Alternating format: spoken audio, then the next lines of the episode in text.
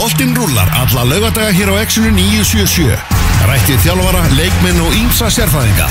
Elvar Geir og Tómas Þór mæta með fótbolta.net á laugadagum millir 12 og 2.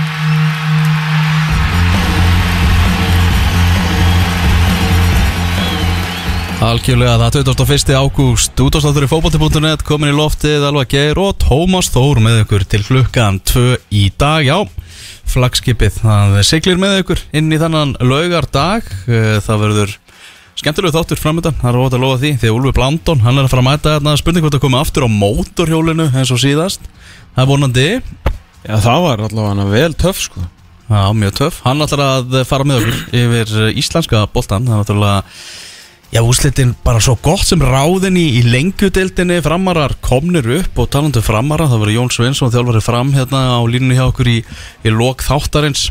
Hann er eh, eitthvað starf út á landi. Hann var byggðum honum í, í heimsóknu en hann komst ekki. En hann verður hérna eh, á línunni hjá okkur á eftir. Þannig að það er ímislegt, ímislegt að ræða. Uh, Hátæðsleikurinn í anska boltanum, hann er farin af stað og vel það 32 mínútur liðnar á Anfield þar sem að Liverpool er 1-0 yfir á móti Burnley, Diogo Sjóta með markið og Liverpool kom boltanum einnig eh, í markið stutur setna en það var flögguð rángstaða, Harfi Elliot sem að eh, ungstyrnið fær hérna tækifæri í byrjunliðinu og hann lagði boltan á Mo Salah sem að koma um í netið en, en rángstaða var hérna rétt fyrir innan. Þannig að 1-0 fyrir Liverpool og það eru áhörvendur á Anfield. Já, þeir eru heldur betur í stöði og flottir fallegi hérna, minningaraftöf uh, fyrirleikinn þegar 97. fornalamb uh, Hilsborósleisins var, uh, var minnst að hérna var maður sem fjall nú frá eftir svona í eftirköstum af af þessum skelvilega slissi þannig að þeir eru þá núna orðnir semst, Justice for the 97 og verða að breyta svona öllu í, í kringum það en eftir að leikunum fór á stað hefur þetta verið algjör algjör einstefna og það er heldur betur stuð fyrir leifbólmenn að spila hérna fyrir framann sitt fólk eh, krakkarnir í börnleik fari ekki við miðju.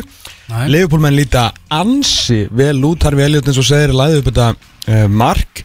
Tókstu þetta því að það var engin teknilegni Nei, þeir teknuðu línutnar ekki beitnu útsendingu. Það er, það er búið. við fengum bara að sjá endala tekningu Eh, kom hún endan á mig? Já. Já, ok, ég var að leita á frásjónarfinu Já, það, það var bara ljómandi fínt En á meðan að Leopoldmenn líta bara ansið vel út, útkvildir og flottir Kostas Mikas með stóðsendinguna í markinu á Diego eh, Jota Þá verður að segjast að börnleimenn Ég líta alls ekki vel út að samaskapi Þegar að Ben Mee er farin að tapa skallæðum fyrir, eh, fyrir Diego Jota sem var ekki svona náði, það var ekki svona einvið því að Jota bara stakk sig fram fyrir hann og svona tilraun eh, Nick Pope til markvörslu í markinu hjá eh, Mo Salah sem var síðan að mentan dæmt af var afskaplega umt líka þannig að ef þeir geta ekki varist fyrirgjöfum og Nick Pope er ekki að verja svona sín skot þá er ekki margt að frétta oft hjá börnleimannum sem að eins og uh, Dottirilli benda okkur á á uh, sko talandi um gamla skólan og Sjón Dæs og allt það þá er í fyrsta síðan síðan uh, tímbil 98-99 stillir fótbolltaleið í ennsku úrastleitinu upp leikmönnum í búningum frá 1 til 11 Já, og eins og, og börnleikir í dag algjörlega þetta, er- og þetta er bara 4-4-2 með 9 og 10 frammi 7 og 11 á köntunum tvist og þrist í bakvörðunum og allt eins og að vera sko. Er þetta alveg bara þar? þetta er algjörlega þar sko. Nei. 6 og 8 á miðunni og bara eins og þegar Brian Clough sagði við hérna Tóta Ölliks bara þegar Tóti spurði uh, so- Sorry Geff, where am I playing? You're number 6 Það er ekki flókið, það er bara á miðunni það er bara þannig. Já, þetta er ótrúlegt en uh, að því samanskapið aðeins svona slagir og þeirra að verið það er bara ekki átt breyk í þetta leifbúlið eins og staðan er akkurat núna á þessum fyrstu 34 mínútum og þeir líta ansi vel út. Uh, Pólararnir uh, Harfi Elliot, eins og segir, ungstyrnið komst nú hérna í, búin að vera á láni aðeins og komst nú aðeins inn í fréttinar fyrir hvað var það, tvö ár þegar hann var aðeins að að gera grínað uh, Harry Kane á Snapchat? Já, var aðeins að taka eftirhermun á það. Já, og Fjall í grítan í arðveg að vera að gera grína að landsliðsfyrirliða Englands. Já, það var ekki, ekki sérstaklega vinsælt en það er kannski gott að koma þessu af. Hvað var það, þú veist, 15 ára eða eitthvað? Já, við lifum og lærum og maður maður sér nú á honum og þetta er ágætið skauður sko. Þetta er algjör lett Já. Þetta er, þetta er, þetta er, hann verðist vera mjög, mjög góður í uh, fótbolt allavega. Jordan Henderson sömulegis í liðinu og Pólarnir uh, flottir. Uh, áhafur dagur svo sem ég líka í enska boltanum, það er einmitt Leeds Everton í dag sem og Master City Norvits, glemum því ekki að síðast þar Norvits var uppi að þá gerðu þau nú City mönnum smá skrá yfir hann snemma tímabil sem var nú svona eða hápunturinn á þeirra lengti því að það fór nú allt í uh, hund og kött að því loknu. Svo svona ef maður alveg e, út af fyrstu umfyrinni er síðdegisleikurinn sem almennt var ekki kannski talin uh, svona sjóstopper Nei, Ég held að fólk sé ekki að fara að leggja bílnum út í kanti og horfa á hann skilur hérna í símanum en Votvort voru bara svo fjandi flottir á móti Aston Villa. Mhm. Rosalur hraði og voru svolítið mik svona beitaskindisóknum og gaman að sjá Ismail Sar ég er ekkert við sem Ismail Sar muni spila alltaf þessa leiktið fyrir, fyrir Votvort sérstaklega hann á annan góða leik í dag og hann geti farið bara fyrir lok fyrir loklugan sem Brighton Votvort verður vægasatt svona áhugaverðu leikun sko. Ég geti trúið að þetta verið vel opinleikur Ég held hann bara líka sko. Að bæði lið hugsi, herru þarna getum við bara náðið þrjú stig. Já, Og þá eru komið sex í fyrstu tveimur og bara aðeins að, keira á þetta sko. Já, Átni Ragnar Steindórsson þarna í Rauðin og Klakar er með spámaður umferðnar.net Já. Og hann spáði 3-3 í, í þessum leik. Þetta er stór skemmtilegu leikur Vestamun líklega enginn horfa á hann. Herru, talandi um uh, útlönd og morgun náttúrulega líka Arsenal uh, Chelsea sem að verður, uh, já, það er Já, maður veit ekki alveg hversu öflugt og þægilegt það verður fyrir uh, sko fyrir Arsenal menn og það er aðalega mikilvægt þetta að vera með stappfullan Emirates-völlin Þetta getur farið í tvær áttir Annarkort eru stuðnismenn Arsenal að fara að hvetja sína myndið á og sem er munu klálega að reyna. Uh, svona allavega veist, framan af og kannski geta er, þú veist, reyna að hjálpa þeim þarna yfir. Ansi háan og erfiðan þröskuld að reyna að vinna Chelsea-lið sem að lítur náttúrulega ókvænlega út og hefur litið ókvænlega út frá því að Thomas Tuchel tók við því en eins og allir vita að ef að því Harbakkan slægir, þú veist, þeir náttúrulega eru búin að vera heima alveg brjálæðir í langan tíma. Og nú fáur að komast á völlin til þess að mögulega baula á þá og láta mikilvægt þetta aðeins heyra það, þú veist, ef að staðan verður bara orðin 2-0 til 20 mínútur eitthvað sem er ekkit eitthvað ólíklegt, Lukaku er að fara að byrja og Chelsea í dag er betra fótballtali heldur en Arsenal, sko.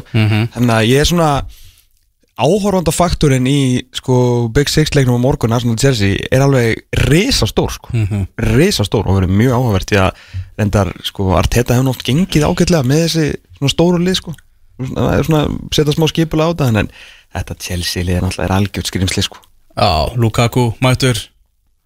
En, og Martin Ödegard mættur hinum með en ekki, ekki komið leikum það verður ekki löglegur í þennan leik það er ennþá að klára ykkur papismál en bara mikilvægt fyrir ég var aðstæðlega að fá svona meiri sköpun á mátta á miðsveða hjá sér með því að fá normannin Já, ég vona svo sannlega að þetta gangi upp líka bara þú veist til þess að vera gaman að mm, svona ferillir hans færi fyrir alvöru uh, af stað skilur, þú veist hann svona bara finni sér einhverjast fótvest, ég veit hann átti þetta frábæra tímbil með Sociedad en hann er einhvern veginn alltaf verið í eigu, þú veist hann er alltaf á láni sko, þú veist hann er einhvern veginn veit ekkert hvað hann verður síðan á næstu, næstu leikti og það er alveg hann er alveg ógnar sterkur í því að finna rétta sendingu á veist, réttum tíma og hérna, getur með mjög einföldum hætti þú veist, opnað bóðleðir til þess að skapa eitthvað. Og mm það er alltaf það sem hann gerir en það sem að hann kannski hefur ekki er svona sprengja og yfirferð svolítið svona eins og fótboltin er orðin skilur, hann er þú veist, hann er svona alveg, hann er alveg áttin að því að vera luxusleikmaður sko. En frábær sem slíkur, alveg töfra með með fætunar en svona ég veit ekki alveg ég bara verður bara fólk að sjá hvern, veist, hvernig hann mun spjara sig uh, aftur að því að mér fannst hann ekkit mér fannst hann ekkit, þetta er svona soldið uh, hérna er ekki aðeins svona að vera ofmeta það sem hann gerði fyrir Arsenal þegar hann var í dildinni síðast eða Jú, svona að vissu leitum að segja það sko er ekki bara Arsenal menn, þú veist, ég skil þá svo vel Já. að maður veit einhvern veginn hérna, þú ert alltaf að þú veist, að bara vera að kaupa leikmenn, þú er Mhm. nákvæð þú veist, þegar þeir fara þú þart svo mikið á leikunum að halda og þeir fann að þyrsta í styrkingu, þá Mhm. ert einhvern veginn svona kannski í, huga er svona glorifæður kannski aðeins það sem er að koma. Mhm. og ég er alls ekki að segja þessi slaguleikmann langt í frá, en ég veit ekki alveg veist, hvort þetta sé eitthvað maðurinn sem er að fara að hýfa Arsenal upp um eitt og sæti. En ljómandi fínt í, í breyttina á en alltaf verður klálega startir hana en ef hann er, en þú veist, er Þessar örfái leiki sem hann fekk hjá Real Madrid Trátt fyrir að liðið hafi verið í svona ákveðnu krossgötum svona hjá Já. Ég held að þeir eiginlega bara segja sitt sko. Já, ég er svolítið sammála því Að þeir hafi ekkert einhvern veginn svona vilja veðja á hann af einhverju viti sko. Nei, og líka hérna, ef að hérna að því að ég veit ekki alveg hvað mér finnst um þú veist eins og þessi ramstil kaup og endanum er þetta ramstil eitthvað 25 miljonir punta og maður kannski þarf aðeins að slaka og vera eitthvað að hérna gaggrina og mikið fyrir það, fyrst ef þeir eru bara að kaupa er aftur móti veit ég hvort það sé að kaupa sem varamartmann eða, eða aðalmartmann í einhverja samkefni við bendlinu en, en, en fyrir auðvitað það náttúrulega er við svona fjall líka 2018 Ha? Já. Það er þrjú fö- föll? Á, á fjórum árum. Ok. Hann fell hérna, kom eitthvað svona Twitter grín eitthvað, gekk í ræðir Chesterfield eitthvað og þeir fjallu fór svo til Bormóð og þeir fjallu og svo til Sheffield United og þeir fjallu Úp, úp, úp á Bob Bob sko. Passið ykkur Arsenal-menn sko þannig að hérna uh, en líka sko talandi um þessa stöðu sem Martin Öðegært er að spila að þeir eru með strákarna sem heitir Emil Smith Rowe sko, sem að er Mhm. eh, mögulega bara betri heldur en Martin Öðegært og klálega meir í framtíðan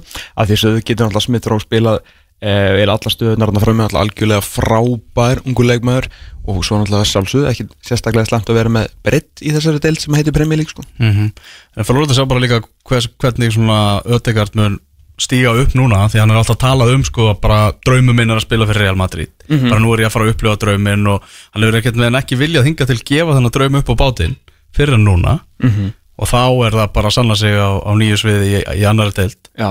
Þú veist, ok, flott innkoma hjá hann í fyrra en hvort hann sé búin að sanna sig ég ætla ekki alveg að kvittundi það. Nei, nei, nei, nú, nú fær hann bara tækifæri til þess að, hérna, og en alltaf koma inn í lið sem að, þú veist, talað um krosskutur menn þeir eru, ég kannski standi ekki beint á krosskutum þeir vita svo sem alveg hvað þeir vilja gera þú veist, þeir eru með, hérna, þjálfara sem þeir trúa og, og treysta og menn þeir sjá þeir sjá allan að það er eitthvað í gangi það er eitthvað verkefni í gangi, þú veist, er eitthvað, það er eitthvað stefna sem þeir eru að taka og þeir að reyna að gera þetta uh, allir saman, þeir að reyna að reynsa út leikmenn, þú veist, Edu í magnarspöldum er svona að reyna að losa menn og, og hérna aðeins að hérna lækka uh, koma svona launakostnaðinum út. Að það verður svona það verður allt saman mjög frólægt með, með Arsenaliði því að eins og við hefur líka rætt að neikvænin þarna er náttúrulega er getur haft eða meira áhrif eldur en neikvæni út á uh, neikvæni í garð annara liða út af uh, sagt, Arsenal Fan TV eða AF TV Mhm. það náttúrulega getur verið algjört eitur þegar illa gengur sko. það er þannig Eh, það er sannleika allavega ofur sunnudagur á morgun því það er náttúrulega líka Southampton Manchester United og það er verið að pæli því hvort að Varan og Jadon Sancho sé að fara að byrja og Ole Gunnar Solskjær hann bilaði bara póker og fyrir þetta mann að fundi gær og gaf ekkert upp í, í því hverju eru þið með í flugvelinni uh, svo eru úlvatnir á móti Tottenham og Harry Kane, hann er ennþá leikmaður Tottenham. Vissulega, hann vildi ekki taka þátt í hérna, taka þátt í sambandinu á 50 daginn að uh, Bakus de Ferreira lögð spórsara í, í, fyrirvæðum fyrir umspilsins í, í sambandinu. Mhm. uh, Núna sagðist alltaf bara að fá sér kaffi setna í dag og svona ákveða þá hvort að Harry Kane er með á morgun Já, nú er ég bara að sjá hérna va- varadettin bara í þessum tölu 13 sekundur síðan að Talksport á Twitter segir Harry Kane keen to play svona alveg til. Hann er klárið að spila. Það Ég spila fyrir Tottenham uh, um helgina uh, in a shock U-turn. En annað aðra stóra frettir Eftir að lenda 2-0 undir og vera 2-0 undir í hálfleik Eru okkar menn í Lingby búnir að jafna Í byrjun setni hálfleiks 2-2 Á móti Helsingur? Já, Þetta er náttúrulega, ég held að Helsingur sé líka sko, búið að vinna alla leikina sína já, er þetta bara hérna, er Super Saturday í dönsku byðildina? Já, heldur betur, ég sá nefnilega fyrstu tvö mörkin þannig á Helsingur, náttúrulega Sævar allir aftur á bekknum að skoraði sitt fyrsta mark í vikunni. Já, ég spjallaði hans við hann hérna og, hann tók ekki trademark fagnir sitt, það er að segja baseball fagnir sem hann búin að vera að taka í Pepsi Max deltinni í sumar. En veit ég hérna En veit, við rættum þetta þegar við fórum á Hauka K hérna á fimmtudaginn og ég var mjög ósáttur við þetta. Já, og ég bara sendi honum fyrirspurt og hann viðkendi það að hann bara einfallega frös það var bara þannig að hann skoraði þetta mark fyrsta marki komið, hljóp upp á stúkunni og það er stemming í Lingby núna það er betur. rosaleg stemming. Og hann sá bara allt trillt fljúandi bjórglös og eitthvað og hann bara, Veitu, ha, voru stundingsmenn ekki með grímu og að drekka bjór og hafa gaman? það var nefnilega þannig. Hættu sér Það er leifilegt, það er leifilegt einhver staðar Trúir þessu ekki. það sé ekki á Íslandi. Og hann, hann frös, hann var tilbúin búin að æfa fagnið, tilbúin í það ætla aðeins að held ég djassaði upp með þessa en að, hann kom ekki þarna, kannski kemur það eftir. Er ekki bara háleikur eða? Nei, já, 2-0 í hálfleik fyrir Helsingur en Já, ég- hann svo- byrjaði 11 Byrjaði 11 og Fredrik Gittger skor á 47. minútu og, og Rasmus Þellefsen á 54. Þannig að þeir eru bara jafnlind á fyrstu nýju mínútunum Já. í, í setni hálfleiknum En það var náttúrulega það sem var ótrúlega sko, Þessi danska bétild verðist vera mikið, mikið gaman, mikið fjör uh, Og svona flottar sjónvarsútsengar í, í kringum þetta En náttúrulega risa stórt fyrir síðasta leik Sem þú varst að sína okkur hérna á þau daginn Já, Ég sko, ég ætla að byggja alla sem eru nú að hlusta að setjast niður eða keira út í kant eða eru að keira því að þið munu ekki geta þessar upplýsingar. Og þú veist, þetta verður, þetta verður rosalega Rétt fyrir leik voru þarna tvö lökudýr inn á. Það var annars vegar vikingurinn sem er lökudyr Lingby og svo var góður gestur Leinigestur Svakalegu gestur. Svag, þú veist, þú veist að ég bara, ég er svona, er eiginlega hálf skelf Bara að tala um þetta. Leinigestur fyrir leik Lingbæs Og við hverju að spila síðast Það skiptir ekki máli. Það var eitthvað Eitthvað? Framat eitthvað. Já, frema, Amat, frema er eitthvað Já. Leinigesturinn Rasmus Klumpur. Já, hefur ekki heist til hans í mörg, mörg ár. Hvorki heyrst nýr spurst. Hann var mættur á leikin sko. Og fannst í Lingby Já, Ras, hinn bara hinn góðláti barnabókabjörn uh, Rasmus Klumpur. Ég reynda að sá hvorki hérna, skjálbókuna nýja hérna, svínið og alla hérna, hans bestu vinni úr bókunum. Mhm. en Rasmus Klumpur var mættu fyrir leik og þið vita unnu, þú veist, tapar ekki þegar Rasmus Klumpur kemur á öllin nei, nákvæmlega. Við vorum að tala um það þessi síðast þetta og Benni líka hérna fótbolta píluspjaldið sem er þarna á vellinum sko. Það er bara, þeir eru með umgjörðin alveg stórskemmtilega með samning hérna við Karlsberg og eitthvað og Ég ætla að mæta þarna í oktober, ég er mjög spenntur. Verður Freysi orðin þjálfari Midtjúland, FCK eða Bröndby áður en að uh, Ég verð mættur hana áður en að Óli Kristjáns fær annar starfaðna Það er spurning sko. Allavega, þetta er ljómandi fínt hinga til. Ég taldi um að nýta segi, okay, þú veist, fimm leikir og allt það skilur ég meina, En ég er búin að horfa á þessa leiki Þeir eru ekkert smá skemmtilega þessi leikir sko. Það? Já, ógeðslega mikil Það er bara sótt á báða bóa endalaust og fullt af mörgum og dramatík og, og Ok, stuð ok. sko. Það er ekkert smá gaman sko Og Helsingur spilar vist bara svona svipaðan boltæri og Lingby Bara tvö hörku skemmtilega liða að mætast. Er þess Freysi að spila opinn fótbolta með, með Lingby? Já, ok, heldur. Allan að nóga mörgum í þessu? Það nú að mörgum ís Herðu, það er uh, landsleikir framundan. Ég held að landsleishópur verði kynntur uh, Núna bara í þessari viku Í lók þessari viku. Við erum að fara að keppa þrjá heimaleiki hérna í komandi mánuði á móti Rúmenum, Norður Makedónum og Þjóðverjum og uh, svona, já, ágættis óviður skís svona einhvern veginn yfir allri landsleisumræðu núna eins og fólk hefur tekið eftir í, í pislaskrifum og, og umræðu og öllu því. Já, En bara við höfum engu við það að bæta sem að framhugðu komið, við bara vitum jafn mikið og, og, og allir aðrir sem að, sem að lesa og fylgjast með þessu. Já, nákvæmlega. Þannig að við getum lítið satt um það. En uh, það var gefið út núna í vikunni að það er ekki vitað hversu margir áhörundur meiga náttúrulega að mæta. Katrin Jakobsdóttir, ef hún ætlar að mæta þá verður hún að, að vera með grímu og, og eitthvað. Og þú veist það djöfull, bara rétt stoppuð þar. Já, djöfull var ekkert eðlilega fyndið að hún þú veist, ég trúin alveg hún sagt hún hafði bara ekki vitað þetta. Já. þú veist, bara, ég trúi hver einasta orðið sem að Katrin Jakobsdóttir segir, sko, það verðist vera mjög heil manneskja. Um, og, og er, vantilega en bara það að, sko, að því hún sagði, ég bara hennilega vissi ekki að það ætti að vera með grímu utan dyra eða verið hægt að tryggja einsmyndaregluna. Og tók svo fram að það var hún svo sannarlega hægt þannig að virðist nú ekki að vera uppselt vegna vinsalda þarna á þessum kvennaleik knarspinu fyrir Reykjavíkur. Ah. allt í góð með það. Segir okkur líka bara það að Katrín Jangostóttir eins og við tveir og allir aðri sem að velja fara völlin það sem að heilin og henni var að segja er bara djöfull er þetta heimskulegt. Já, það er svona, ég bara, ég var ekki reyður út í hann í eina sekundu sko, af því að hún baðast afsökunar og sagðist bara ekki hreinlega hafa vitað þetta. En mér finnst þú veist bara að það er grímuskylda fótbolltaleiki þá er bara vera grímuskylda á laugaveginum og bara hérna fyrir utan húsið og eitthvað. Sjálfsögðu. Það er bara þannig. Eh, auðvitað, ég meina af hverju er að setja í stúku eitthvað annað heldur en að bara mæta ykkur um á lögaveinum Já. Það, það er eiginlega bara stóru fréttnar í þessu. Þegar bara einhver sem er að setja þessi lög fer á völlin þá er sá aðeins svona að uppgöta það hvað þetta eru heimskalega reglur. Ég ætla bara að vona að þessi upplöfun Katrínar á vellinum hafi bara verið til þess að næst er að hún hittir Þóru Olveig að þau fara að ræða málinleika og bara svona, herðu, kannski sleppa þessari grímuskildi eða er þetta að tryggja einmitt. Þú veist líka svo þegar löggan ringdi hún í víkundaginn Já, Þú veist, þetta er svo mikið, þetta er svo mikið bögg. Já Svo sá, sá ykkur í sjómarpinu að einhver var ekki með grímu.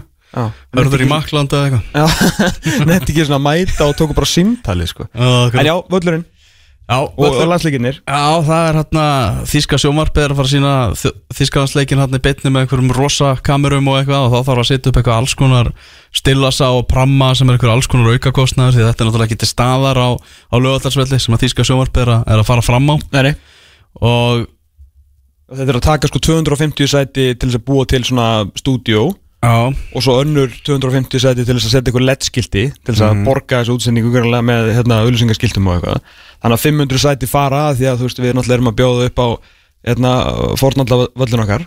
Já. Þannig að gjössalega glataða glataða leikvang.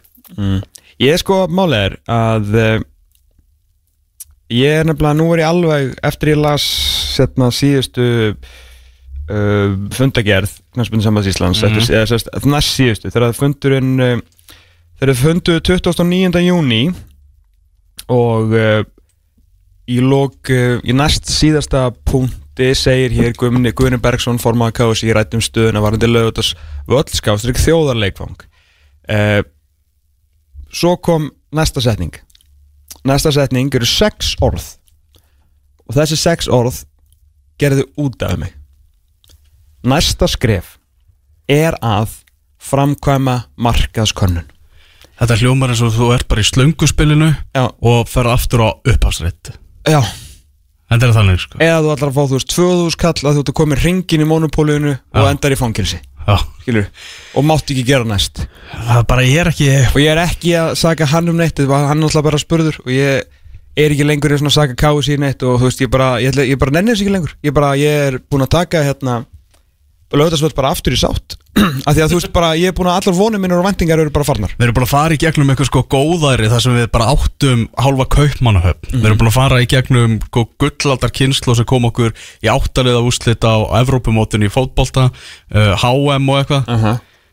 Við og þrenn stormót í röð hjá stelpunum sko. Já, og við erum ennþá. Nei, fjögur með þess, við erum að fara aftur. Já, Evrópumót. Fjögur árum mót Já, við erum ennþá með þennan völl.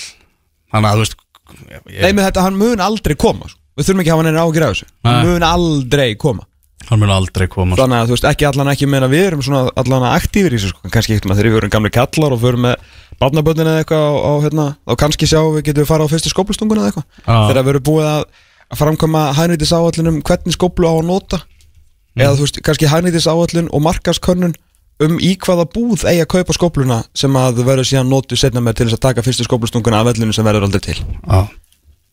Rættinu var að byrjast bref Nú, Við erum, komin yfir sko. Ég er ekki að segja ykkur það. Já. Tvö, þrjú? 2-3, Lingby eftir að hafa lent 2-0 undir komið yfir í, í leiknum. Ísú, sílíku, setni hálfleik Hvað allir fara þess að allan verið spurður eftir leik Hvað sagðar við á í hálfleik? Já, ég ætla að það er mjög líklegt. Herru, ég er náttúrulega miklar ágjörð því hvað hérna Þessi fyrsti hálftíma eins og þetta er algjör steik. Þetta er bara úr einu í annað. Alltaf leik, hérna Ég er náttúrulega hafði miklar ágjörð því hvað Freysi að heita þetta í Danmarku Já, Af því að Freyr er bara nafn sem að Danir ræður ekkert við. En hann verðist ekkert að hafa pælt í þessu maðurinn. Af því að allir fréttamenn þú veist, Byrja alltaf all- öll villan að segja Fæða! Og, og þú veist, þeir getur því ekki. Og þetta er bara þú veist, að Maðurinn verður að rýbranda sig sko. Hann getur ekki heitið bara Fæ Fæ Er ekki bara eftir þessu, í næsta vita Alltaf viðtali á hérna Lingby síðan eftir leik. En er ekki á seint einhvern veginn að gera það núna? Jú. Þetta fara að stað, það er ekki hægt að gera það strax bara. Fæ Já, þetta er mjög erfitt nafn fyrir, fyrir Þú Dan getur ekki tekið sko Freyr sem annan og síðasta staf í nafniðinu og ætlar að þú veist, vera í Danmarku það bara gengur ekki upp sko. Já, en til allra hafði mikið er hann þú veist, betra að þjálfa heldur en þeir að segja orðið Freyr þannig að þetta er svo sem gengur að lágætlu upp sko. Já, það er enda rétt sko. Herra það er 1-0 fyrir Liverpool í hálfleik á móti Burnley Já. uh, Diego Sjóta með uh, markiðum og Salarenda skoraði líka fyrir leifbúlun það var dæmt af vegna rángstuðu það var varað af.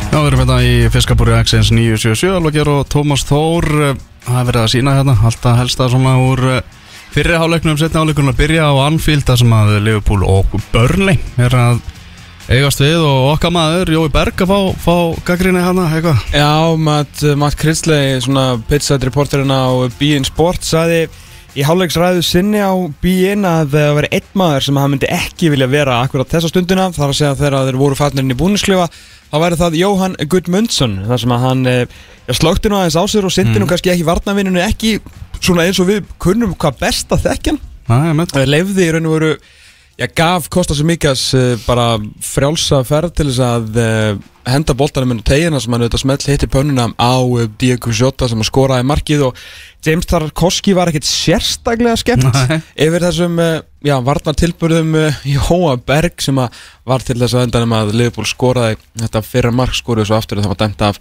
vegna rángstuðu af því sögðu er bara fínt að sjá Jóa inn á og fitt að tengja saman leiki því að á endar náttúrulega er hann íslensku landslýsmæður fyrir okkur sko. Já. Við- Það er gaman að sjá hann í hverju viku en síðan viljum við sjá hann í bláu og við náttúrulega þurfum svo sannlega á hann að halda því að minnast á landslíkina þarna Já, Við- núna- va- var einmitt í fyrraáleiknum Chimika satna átti tæklingu og eða þetta fór í Jóa og, og Jói þurfti svona smá aðhlýningu og þá svona fer aðeins í mann þegar enda stutt í landsleiki og vonda fréttir af Alfred Fimbo sinni í gær Ég skal segja ykkur það að Burnley er að jafna metin hér í upphafi setni álega sem búið að flagga ránstæðan Asli Barnes Eftir þetta mjög huguleg tilþrif hann já, eh, sá ekki hvað það var. Já, Alfred Fimbo var náttúrulega við, það er bara alltaf þegar nálgast einhvern veginn landslíki að þá fara, þá fara manna meðast. Mm -hmm. og uh, já, kólrastar, engin spurning. Veist, Alfred Fimboðsson maður fyrir bara að hafa maður er svo sem búin að hafa áhyggjur Já. en nú fyrir maður bara að hafa verulegar áhyggjur Það er búið að vera alveg hundleðilega sag með hann hérna undanförnur sko ég held að sé svona liggur við að sé meiri líkur á næstur hann sko takið þátt í landsliðsverkinu hafa verið landsliðsþjálfari eða formaði KSI eða yfir maður knassbytumála frekar en leikmaður sko. Það er náttúrulega búin að vera að menta í því svona, ég, ég er að segja, Já, það, það er ekkert ólíklegt og maður er að það að við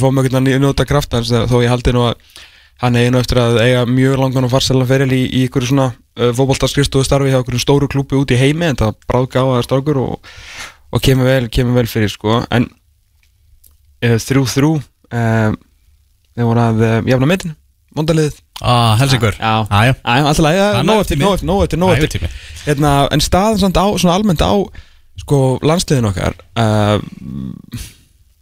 Þetta verður mjög áhugavert núna þegar við förum á staði þetta náttúrulega fyrir kannski betur yfir þetta þegar það dregur sérstaklega þegar hópurum verður tilkynntur en það geta alveg verið svona og mjög líklegt að ekki að verða einhverjar smá uppsóp og já, einhver mönnum bara sópa það nút og reynda þess að keira á uh, nýri kynslu er ekki hvað svona töluð er ekki svolítið þannig Arnar og, og Eður eftir síðasta verkefni Jú, og svo held ég að segja bara til neittir eiginlega til þess fyrir utan það, sko. Já, það er eiginlega þannig Menna, Kári með þess að daginn og ég, meina, þú veist, hann, hann er, ég trú ekki að hann sé að fara í þetta verkefni hann á eftir að spila hann, ég held að Kári spila annarkort vals eða fóleikin mm. uh, og síðan vantalega hlýtur hann taka sér einhverja, einhverja pásu það er náttúrulega mjög vant að með þessi nára á öllum aldrei hvað þú ert náttúrulega að klukka fertugt Mm -hmm. Raki Sig átti, hann á ekki 90 mínútur í sér í Pepsi Max dildinni eins og öflur hann er þá mjög kannski erfitt að velja hann í, í íslenska landslið en eru síðan, þú veist það er, þú veist en eru menn að spila, veist, þannig séð veist, út um allan heima, einhverju, viti? Eru við, þú veist, Já. er svona staðan alveg nógu góð hvað það var þar En hún er eitthvað verri heldur en venjulega. Nei, en þú veist,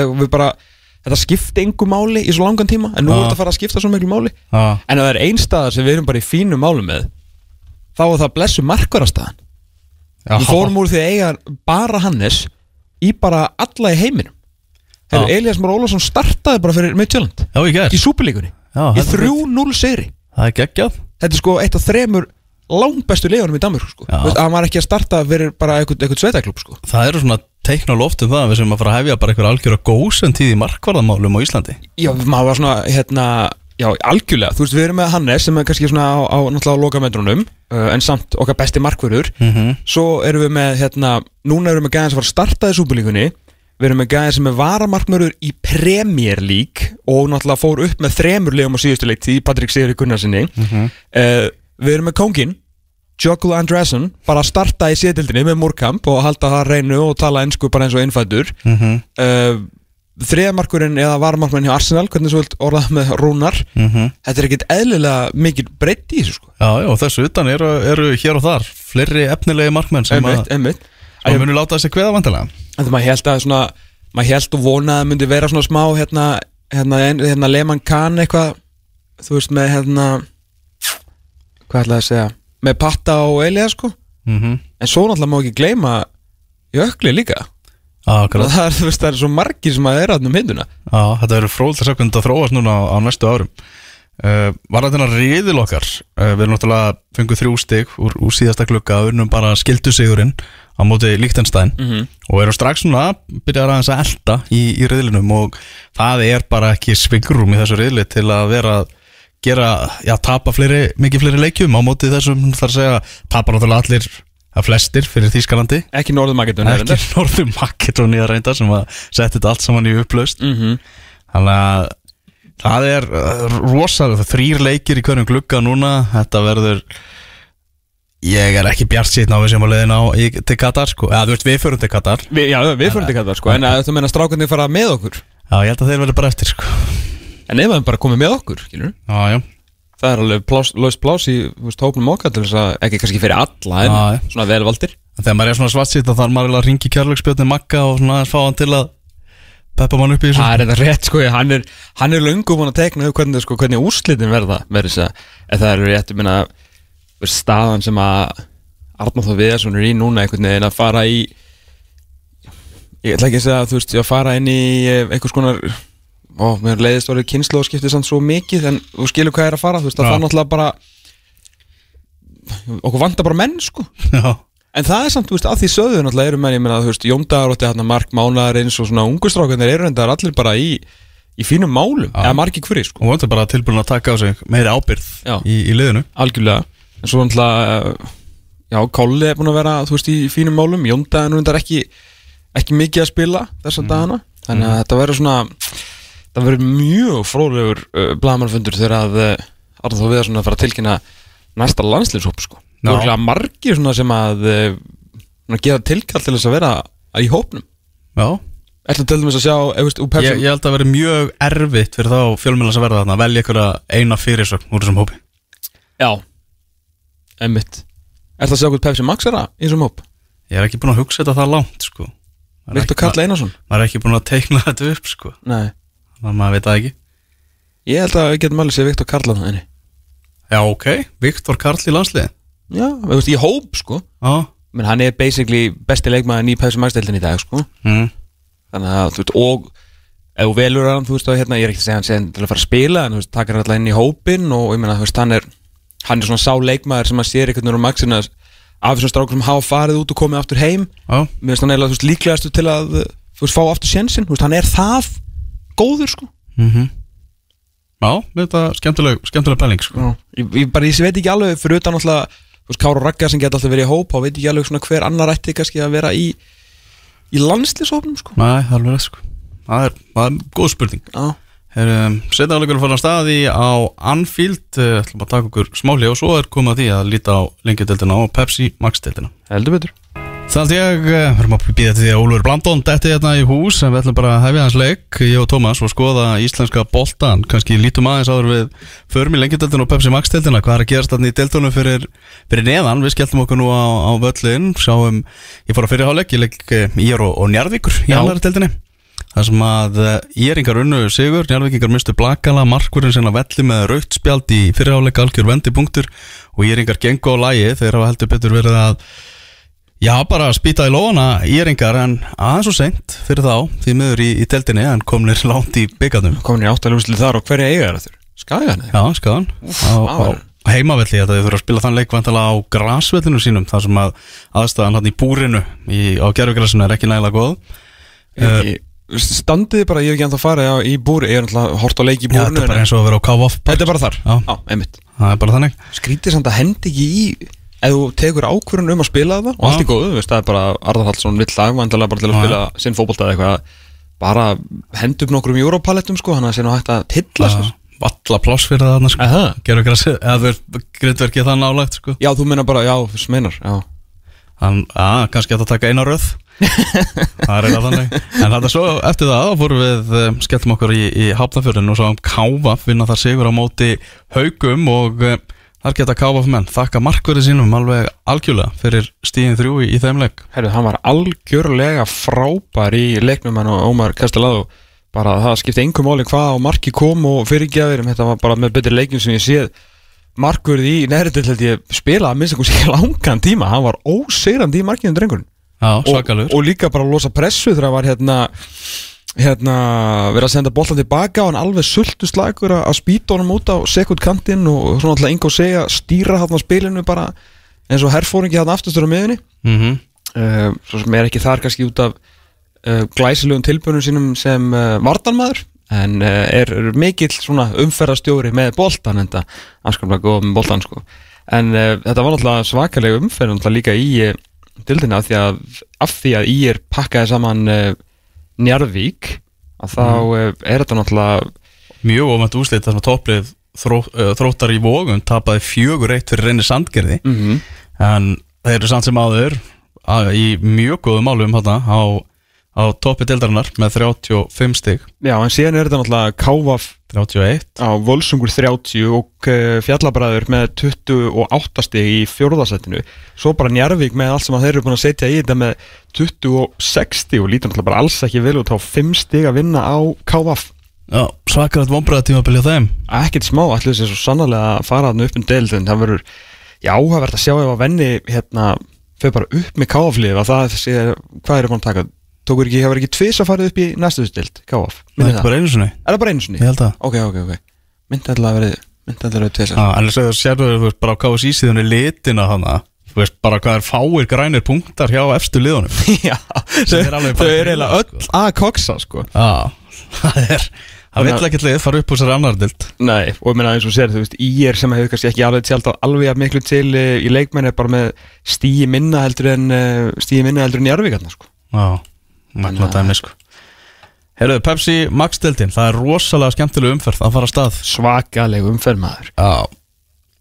Það er verið að tala um að fjögur efstu lið dildarinnar er að fara að mætast innbyrðis mm í þessari umferð. Það er leikur klukkan 2 núna í uh, Keflavík þar sem að Keflavík og FH eigast við. Uh, stórleikurinn er síðan seg, uh, annar af stórleikjum umferðarnar er 16-15 þegar Breiðablík og Káa leika í, í Kópavinn og það sem að blikar er að fara að keppa þarna á miðvíkudaginn leik sem er eiga inni -hmm. eiga til góða, þá er þessi leikur spilaður á lögati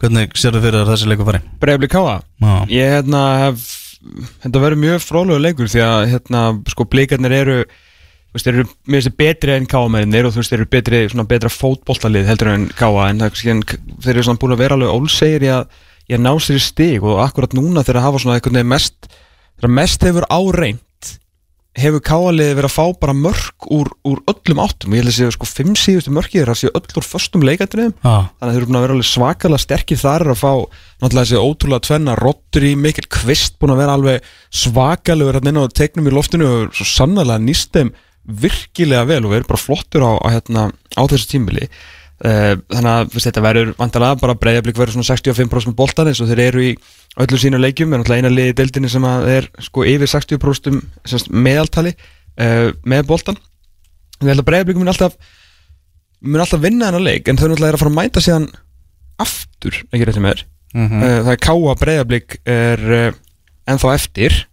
Já það er vantilega bara leikurinn á það, það er leikurinn ekki, það er þessi leikur Jú, sem það er leikurinn á miðvikudaginn. Það Já. er að fara að mætast það bara aftur og FH Keflavík já, líka. sömu leiði sko, Það er leikur úr sjöundu umferð sem að Já. sem að var frestað sko, Óskar Rafni er eh, náttúrulega á þennan leik til góða. Hann er fjóru stegum og eftir val, vikingur er að fara að spila móti val náttúrulega á morgun.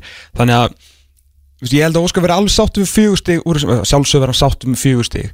Uh, og ég held að leikurinn, þetta verður mjög áhugaverður tveir leikir því að fótboltin í þessu leikjum held ég verði veist, allt öðruvísi.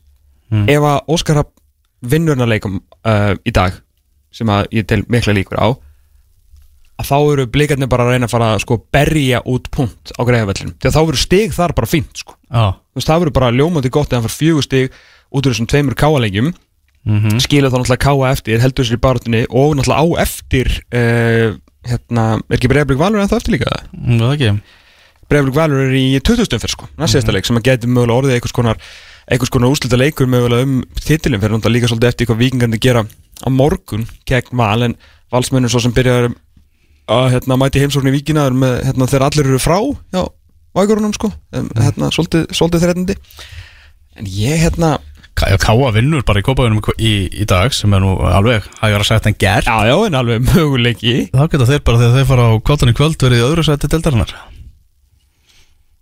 Ef þú meinar, Já, það er rétt þeir eru betra markværslu heldur vikingur já.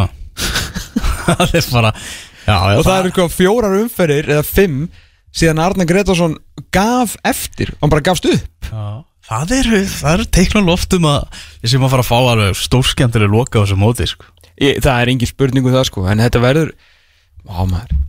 Þessi leikur hann inni hann, Þetta er Og að það sé líka breyðabli káa Þú veist, jafntefli þar.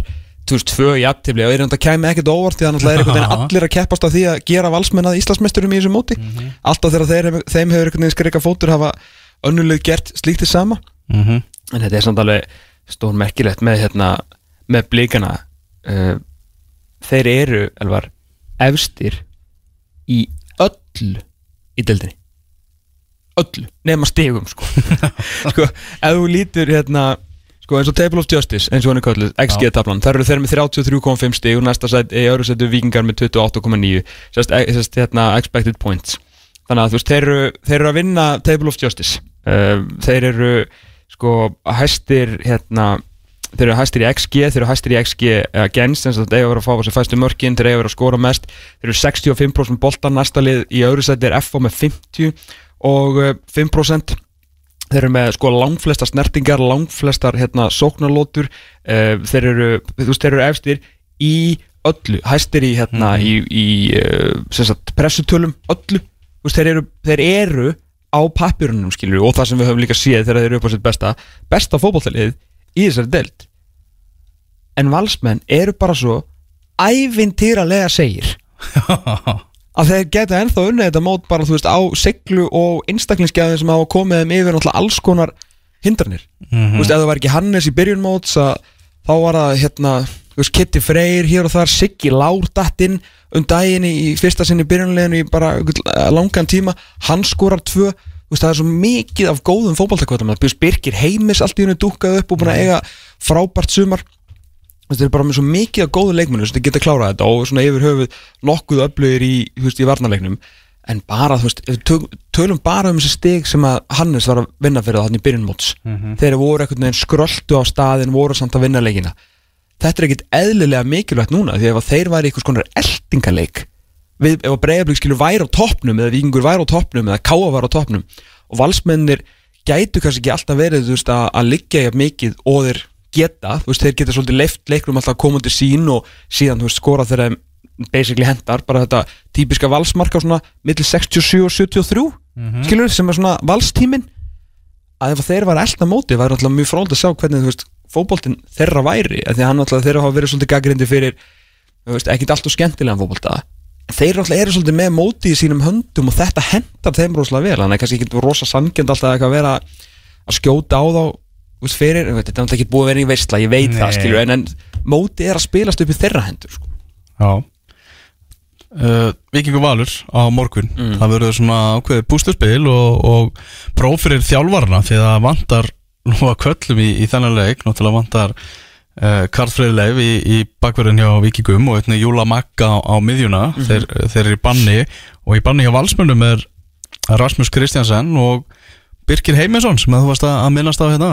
Já, það er, það er hjúts fyrir, uh, fyrir vikingana uh, að losna við Birki Heimisson að miðinu því að hann alltaf er með sko langmestu yfirferðina og svona mestu hlaupagetur hann í liðinu. Því að það er eitthvað sem að vikingarnir geta gert inn á miðinu þá er það að hlaupa við erum alltaf svakalega fitt og geta hlaupið mikið fram og aftur og til hliðana skilur og veist, mikil orka sem að er hann inn á miðinu og náttúrulega líka gæði, náttúrulega mjög vond að vera án júla, verið virkilega flottur upp á, á síkastið uh, þannig að eh, veist, hinnir eru ekki alveg, veist, hinnir vals miðumennir, eru náttúrulega ekki alveg sömu svona það er ekki alveg sama power í þeim sko. Náttúrulega eru svakalega góðir en ekki, ekki alveg svona sömu hlaupatölur þannig að það er, það er fint fyrir vingarna eins vond að vera án uh, Karl Freyleifs sem náttúrulega líka verið, verið öflugur en ég er svona minni ágjur af valsmönnum hvað var þar, hvað Rasmus Kristinsen sko þeir eru náttúrulega með eitt Nóra Sigur Ómarsson og eiga síðan einhverja 14 vinstri bakurði þannig að, skilur minna, í verstafalli kemur færiski að hérna, hérna ekki það er með vallaran líka náttúrulega svo djúk, þeir eiga nóga þess sko.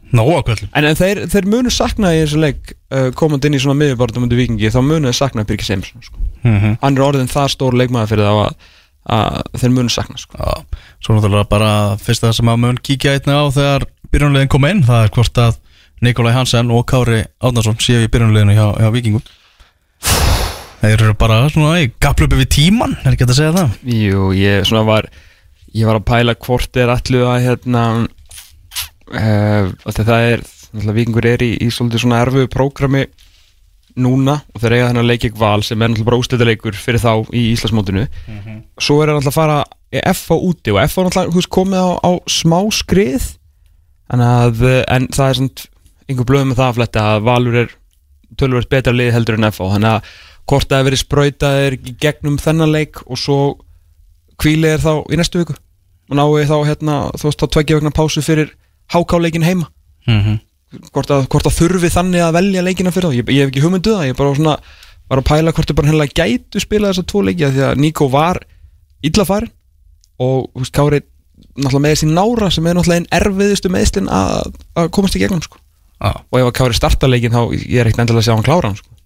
Þetta verður svakaru leikur á heimavalli Hamingjunar annað kvöld, 19.15 svo verður það sem ég hlaka náttúrulega mest til að segja og segjum að þeir verðið með og Já. það vantar bara einan gæðslappa Júla og Kallafrilla hvað er Arnar Gunnarsson að fara að gera?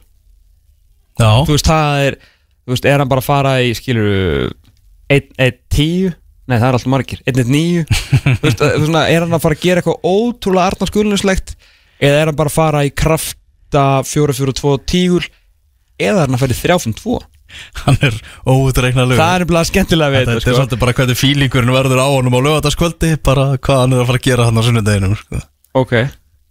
Ég hérna Já, ég er svolítið Ég er búinn að stilla upp leiðin Ég sendi á eina guðuna í gerð liðið sem þeir eru að spila með. Já það, Já, heldur það hlýði? nepp. Nei. Ég held, ég held ekki sko En að segja liðið mitt í, þessu leika. Ég hérna uh, Ég með yngvar í markinu uh, Mhm. Luigi Sko Mögulega hafa hann vinstarmenn og færa alla yfir hæra menn ég, þú veist, Þeir með að ráða því, þjálfararnir Hvernig þeir stilla upp bakurunum sko. Ég ætla ekki að skipta mér ómikið að því. Uh, Káru Halla. Mhm. ef, þú veist, við erum að meina ef að sérst, þeir tve- tveir eru heilir. Pablo, sérst, fjóri fyrir tveir. Kraftatífull, með Pablo í sexunni, Mhm. Ella og Viktor Örli Andrason sikur með á miðunni Nico fremstan á miðju uh, eins og í byggarústa leiknum fræga og í byggarönnu Mhm. með uh, Kristal og Helga Guðjónsson upp á topp. Ok. Þetta er mitt lið sko. Já, þetta er liðið sem þú veit sjá Já. Vikingum á morgun á móti Já. valsmönnum Já, móti Íslandsmeisturunum, hörkuleikur hinn, eh, já, tveir af þrem, hinnum þremur leikjunum sem eftir eru, þeir verða að spila þar á mánudaginn og það leikur í og Káar verður á miðvikudaginn, þegar Káaringar eru í sóttkví og losna vonandi úr henni núna strax eftir helgina. En á mánudagskvöldi þá eru tveir svona, hvað hefur að segja, svona barningsleikir framöndan, það verður kannski að kappið muni bera fegurðun og ofurliði í, í þeim tveimur leikjum sem að þá verða á dagskráni stjarnan fylgir í Garðabænum og svo leiknir Háká á Dómus Nóavellinu. Það sem að, Já, ég held að verður heldur ekki minni bara þetta í að káver sko. Já, þar verður ekki minni bara þetta, þarna eru svakalega mikilvæg stigi í bóði bara Hákáingar ætla að hleypa spennu í þessa fallbaráttu og, og ef stjörnumenn ætla ekki að að fullum þunga í þessa fallbaráttu rétti svo fylgismenn, þetta eru bara algjörlega 60 að leiki sem verður á dagskrána á mánudagskvöldi mm -hmm. menna leiknismenn með sigur og, á mánudaginn og það er bara hægt að setja staðfest svegan við áframhaldandi veru í efstu deild. Já, ég meina, þú veist, þeir, þeir verða áfram í efstild núna, þeir eru ekki að neina og geta til 21 stík duði alveg, sko, það er bara, það er ekki 15 stík eftir í pottinum. Uh, Ég hef verulega ráðgjur af fylki, akkurat nú Já, Þetta er, þetta er alveg eins og segir, þetta er hreinrætt að það er 60 leikur hérna stjarnan fylkir og eitthvað sem að fylki verður bara að reyna aðeins að aðeins að hjóla á, ég er enda að séð alveg þú veist, bara þeir verða að fara að skora eitthvað það Mhm. segir sér sjálft, ég meina Guðmundur Steinn verður aðeins að komast yfir er að, þú veist, í gegnum er að vegg og, og tróða boltanum í, í netið og þú veist, þeir svona, þeir geta alveg búið sér til stöður en þeir aftur á móti orðnir ansi veikir hérna uh, aftarlega er búin að fá á sig hérna flest mörkin af fyrir utan þessi tvö botlið sem eru náttúrulega háka og, og ég er búin að fá þessi 29 mörk og hans búin að skora átján. Uh, segir sjálft að verði ekki fara að gera neitt mikið því það en ég bara mér finnst þér einhvern veginn aðeins að svona einhvern veginn farið af brautinu og veginum. Ég er svona já sé bara ekki sér að það kom hjá þeim síðast Já, bara eh, þetta þessi hérna, innverti bakurur í Ragnari bara sem að fær síðan aldrei boltan og mér finnst bara, ég veit ekki alveg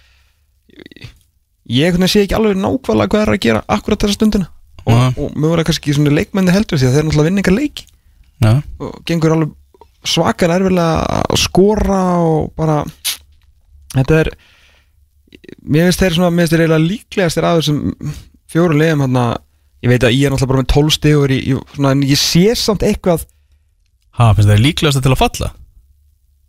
nei, af þessum sko fjórum fyrir utan skagan sko.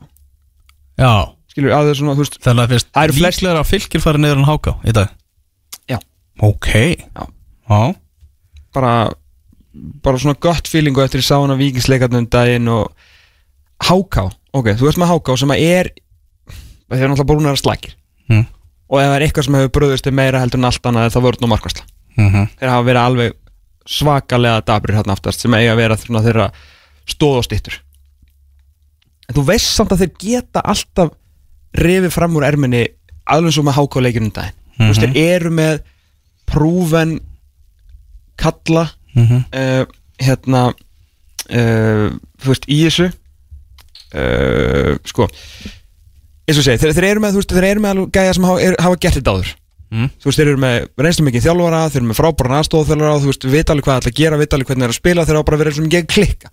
Mér finnst miklu líklega að liða eins og Háká og stjarnan mér sem hefur náttúrulega verið veist, svakalig vombriði en þú veist samt einhvern veginn með gæja sem hafa gert þetta allt sem hann áður og mér finnst keplaði einhvern veginn svona, mér líst eiginlega best á þá af öllum þessu fimmliðamanna eftir ég var svona einhvern veginn búin að snúast gegn þeim um daginn Það er rosa erfitt að spá í þetta ég veit það, þetta er alltaf bara 17, 16, 16 Já, stig sko, en ég, ég hef bara áhyggjur af fylki akkur núna sko. ég bara, ég er verulega áhyggjur af sko. en ég minna svo geta það bara að fara á unnu stjórnuna og það eru bara konum nýtið stigur bara í toppmálum um, en Háka auðvitað náttúrulega líka að fara í, í sæfaslösa leiknismenn Mhm. hvernig er hérna allir eitthvað að skora það sem eftirlega eða? Við unnum val á Sæfas Ég er alltaf að benda þér á það já, vissulega Já, það var helviti hugulegt mark hjá Já. hjá Manga Escobar þar sko já, sá þarf að taka upp þennan kindil og bera hann alla leið núna sko. Okkar maður frá Kolumbíu sko Já, þetta er átjöndu umfyrin í Pepsi Max deildinni. Lítum á uh, lengjudeildina hérna rétt á eftir. 2-0 fyrir Liverpool á móti Burnley Það sem er 77 mínútur er á klukkunni. Það var Sadio Mane sem að skoraði markið Og 3-3 endaði stórleikurinn í dönsku bjödeildinni Helsingur á móti Lingby Það voru lokatöldina þar. Klára, já, ok, já. En uh, skellum okkur í lengjudeildina, þetta er auknar blikk Þú ert að hlusta á fótbolti.net á exinu 977 Það held ég, eh, við ætlum að vinda okkur yfir í lengjudeildina þar sem að framarar eru komnir aftur í deild þeirra bestu. Þetta sögufræga félag í íslenskum fótbolta er aftur komið þar sem að það á heima allavega samkvæmt eh, frömmurum og þjálfari þeirra Jón Sveinsson, hann er hérna á línunni bara fyrst og, og síðast til hamingju með, með sætið í efstu deildjón Já, takk fyrir það alveg.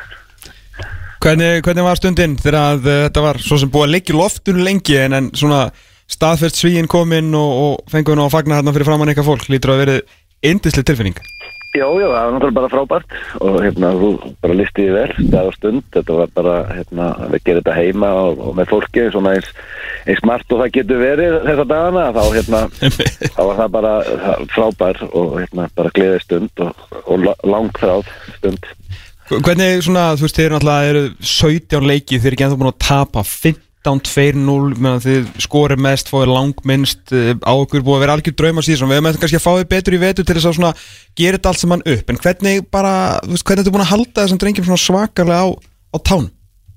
Já, já, ég, sko, það er alveg verið, verið hérna challenge bæði fyrir mig og þá sjálfa, náttúrulega, og, og okkur bara þjálfarastaffi og það, þá sem er í kringum þetta, hérna, það er mikið búið að vera að tala um eitthvað í einu og þetta og þetta verður svolítið kleft og breytt þegar að menn náttúrulega auðvitað vita alveg hvernig staðan er og fylgjast með og umfjöllum náttúrulega búin að vera mikið búið að vera að tala um okkur bara frá því 7. 8. umferð þetta er þannig að það er náttúrulega fylgir ákveðin press og það er ekkert auðvelt að að, að vera í efsta sæti allan tíman og, og leiða þetta og, og vitandi að, að leiða eftir manni sem að, sem að býða bara eftir að við klikkum eitthvað. Mhm. en að, það er bara, en, en þeir eiga náttúrulega rósi fyrst og fremst. Skilur bara sjálfur, þeir hafa verið alveg ótrúlega fókuseraðir og, og einhvern veginn við náð bara að gýra okkur inn í þetta eitt leiki einu. Já, þetta er náttúrulega búið að vera svona náttúrulega mikið verkefni hjá þér bara svona svolítið að hvað var að segja, bara svona rétta eins við skútuna, það var ímislegt ég meina, við erum búin að eða hérna mörgum árum í að tala illum ykkur af því að það var einhvern veginn alltaf það var einhvern veginn alltaf allt að eða skilur það var alltaf eitthvað svona smá eitthvað í gangi, annarkvort utanvallar, innanvallar ég veit ekki hva, þú veist, hvað og hvað en svona eftir að þú komst þarna inn og, og þú og náttúrulega og allir skilur, hvað, hvað var það svona að þú gerðir hvað helst til þess að koma bara þarna? Ég sko, kannski var, var svo ráning kannski þægilega mörgur leiti að ég kem að inn náttúrulega kannski sem gammal framari og menn svo sem þannig að maður viss alveg að við myndum fá smá þólumæði fyrir verkefninu Skilji? til að byrja með. Ég held að eitt af gæfusporunum sem við tókum var að, að hérna að ákveða að spila í Savamirinn, ekki nefnir lögadal og, og náðum bara að búa til heimavöll og stemningu kringum það við æfum þarna við klefin okkar eða fólki okkar er að vinna í húsinu þannig að ég held að það hafi verið hérna og svo, svo svona einna stóru faktorunum og svo höfum við bara hefur okkur gengið mjög vel á leikmannamarkanum Mhm. und, undanfærin ár, við erum, með, við erum verið að taka inn, inn góða, góða strákar með, með hóp bara vel aldursamsettan og, og, og mikil gæði og, það er samkeppni á æfingum og, og hérna og, og samkeppni um að fá að spila leikina þannig að það er kannski svona það, sem, sem hefur komið okkur ákveð sem við erum komið þá í dag Já, já, hárrétt með, með leikunarmarkaðar hefur gert bara frábæra hluti það en líka náttúrulega verið að koma upp með unga stráka í gegnum, gegnum starfið ykkar sem náttúrulega líka gerir náttúrulega liðið bara enn meira spennandi fyrir framvara Já, já, algjörlega, ég, það, það er rétt, við erum með nokkra uppalda menn og við höfum líka svona svolítið reyna, reyna að vanda okkur að menn hafi kannski einhverjar tengingar eða verið áður hjá okkur sem við höfum verið að fá tilbaka eða fá inn í þetta. mm -hmm. Okkur finnst það skipta mála, menn hafi tengingar fyrir, fyrir klubnum, höfum auðvitað líka séð það eftir ungum mennunum leikmennum sem, að, að hérna, skorti þólimaðina til þess að taka þetta með okkur og vildu, vildu fara fyrir upp í, upp í Pepsi, að unnar í fyrra og helgi þar áður sem að, hérna, þannig að það er náttúrulega Við viljum náttúrulega, eins og við höfum verið að segja við okkar ungu leikmenn, við viljum vera vettvangur fyrir þá að fá tækifæri Pepsi og við vildum náttúrulega það með að framværi Pepsi en, en hitt er þá hinkostur að vera að vera að standa sig vel hjá okkur í, í þessari deild til þess að fá tækifæri þar en, en núna, núna erum við bara klúbunum sem getur bóðið upp og það fyrir þá strákar sem eru að koma upp og það eru einhverjir ungir efnilegir á leiðinu líka þannig að það verður bara vonandi spennandi framöndan. Er, eh, er takmarkið að klára þetta á þess að tapa fótbollaleik? Er það, er það ekki kannski bara eina markmið sem þú hefur núna og náttúrulega búin að pakka þessu del saman hvort sem er? Möguleika að þetta líka Og þetta náttúrulega? Já, við náttúrulega, veist, við höfum svolítið ekki endilega verið að horfa á einhver met eitthvað eins og sagði þér áðan, ég menna við hefur verið að lótulegur og að vera ekki búin að tapa leikan þá eftir 17 leiki, það er, það er náttúrulega bara þá heilt og einhver lið hafa nú farið, farið eh, hérna í gegnum þetta á þess að tapa mikið af leikjum. En við, svo sem eftir, eftir árið fyrra og vorum náttúrulega bara í öðru sæti og, og, og hérna og förum ekki upp á markatölu og hérna þá gátu við eiginlega ekki sett okkur annað markmið fyrir ári í ár en bara að vinna þessa deild? Því að við, okkur, við vorum ekkert sáttu við að bara fara upp, við vildum vinna deildina og það var svona eina sem við gátum gert til þess að bæta okkur frá því fyrra. Ekki spurning, náttúrulega bara markmið er ekki komið ennþá við munum halda áfram að, hérna, að hjakki því og, og hérna og svo, þú veist, ef einhver með falla í leiðinni, það væri bara frábært. Hvernig var 15 kvöldið síðan eftir, eftir leikin, hvernig var það svo fagnað? Já, ég meina, þeir strákarnir fóru bara aðeins og, og hérna fengur að fagna aðeins með einhverjum, einhverjum hlut af, af áhagjöndum félagsins og hérna og við settumst aðeins hérna upp bara fyrst eftir leik upp í, upp í hérna félagsemili og það sem hann fengur pítsu og, og eitthvað, einn ein, og öl og, og svo bara fengur þeir aðeins frjáls- frjálskvöld til þess að, til þess að langkvæðum áfanga og, ég, og, og bara eitthvað að fólki með þeim og ég held að það hef bara verið mjög vel hefnað en, en nú er bara fókusin aðeins í gær og mm. frí í dag og svo bara byrjuðum við á morgun að, að undirbúa okkur fyrir næsta leik sem það fyrir það er tveir krefjandi leikir í vikunni og við ætlum bara að halda áfram. Jón Sveinsson þjálfari, já, verðandi Pepsi Max deildar leiðis fram. Aftur bara hjartalega til hamingju og bara gangu vel að sem eftir lifir tímisins Já, takk ég fyrir. Bye bye Ok, bless. Það heldur nú, uh, uh, en já, úr mannum sem kom uh, fram upp í mannin sem að uh, setti fram uh, niður á sínum tíma. Uh, Úlfur Blandón Selvi Sefnækur okkar. Herri, takk fyrir góða byrjun. Já, það er að menn mæta 45 minnum á seint Já, og það er aðeins svona þurfa að að súpa síða því. Það er Nei, heyrðu, svoleiðis. hérna Það var reynda Bjarni að kenna sko Ég veit það, ég Þannig að veit Bjarni þarf að taka þetta á sig. Ég var bara aðstofa maður. Það var bara svona stuðböksna Ég var bara með sko Ég ekki ekkert að vera stjórnaninu og svona sko. Nei, þá hefur líka ekkert farið niður sko. Að sjálfsög En náttúrulega unnu fylki í lokaöfverinu og verið eitthvað ævarandi þakkláttur fyrir það. Já. Þegar fylkir vorum að sá manni færri og, og hérna sendum vikingana mína í Evrópu. Það var rosa gaman að vinna fylki og falla Það var alveg gekkið Eða ekki?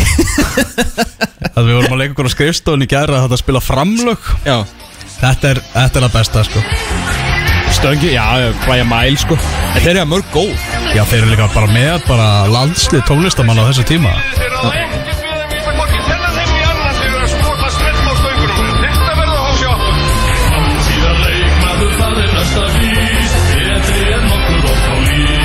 Ok, Gekkja það Þetta er geggjalag Stönginin, finnið þetta á YouTube, lag og texti Ómar Ragnarsson.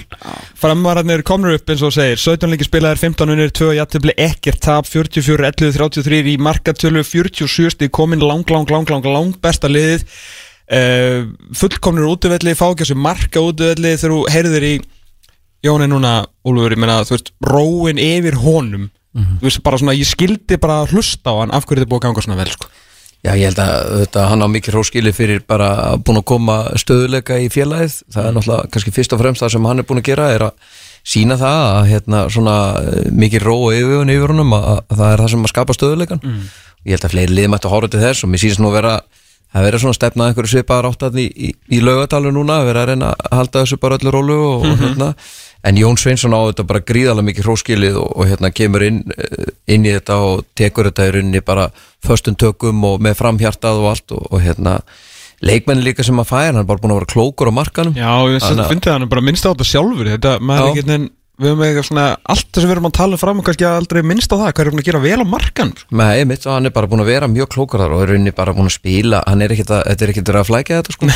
Og hérna það er allir bara um borð og maður hefur nú spjallað við nokkar leikmennandi liðinu þannig að hérna maður veit að, að æfingarnir er góðar, það er hátt tempo á þeim. Þetta gengur vel, það er allir rosalega fókuseraðar þeir sem voru kannski með minnsta fókusin er ekki hérna lengur. Nei.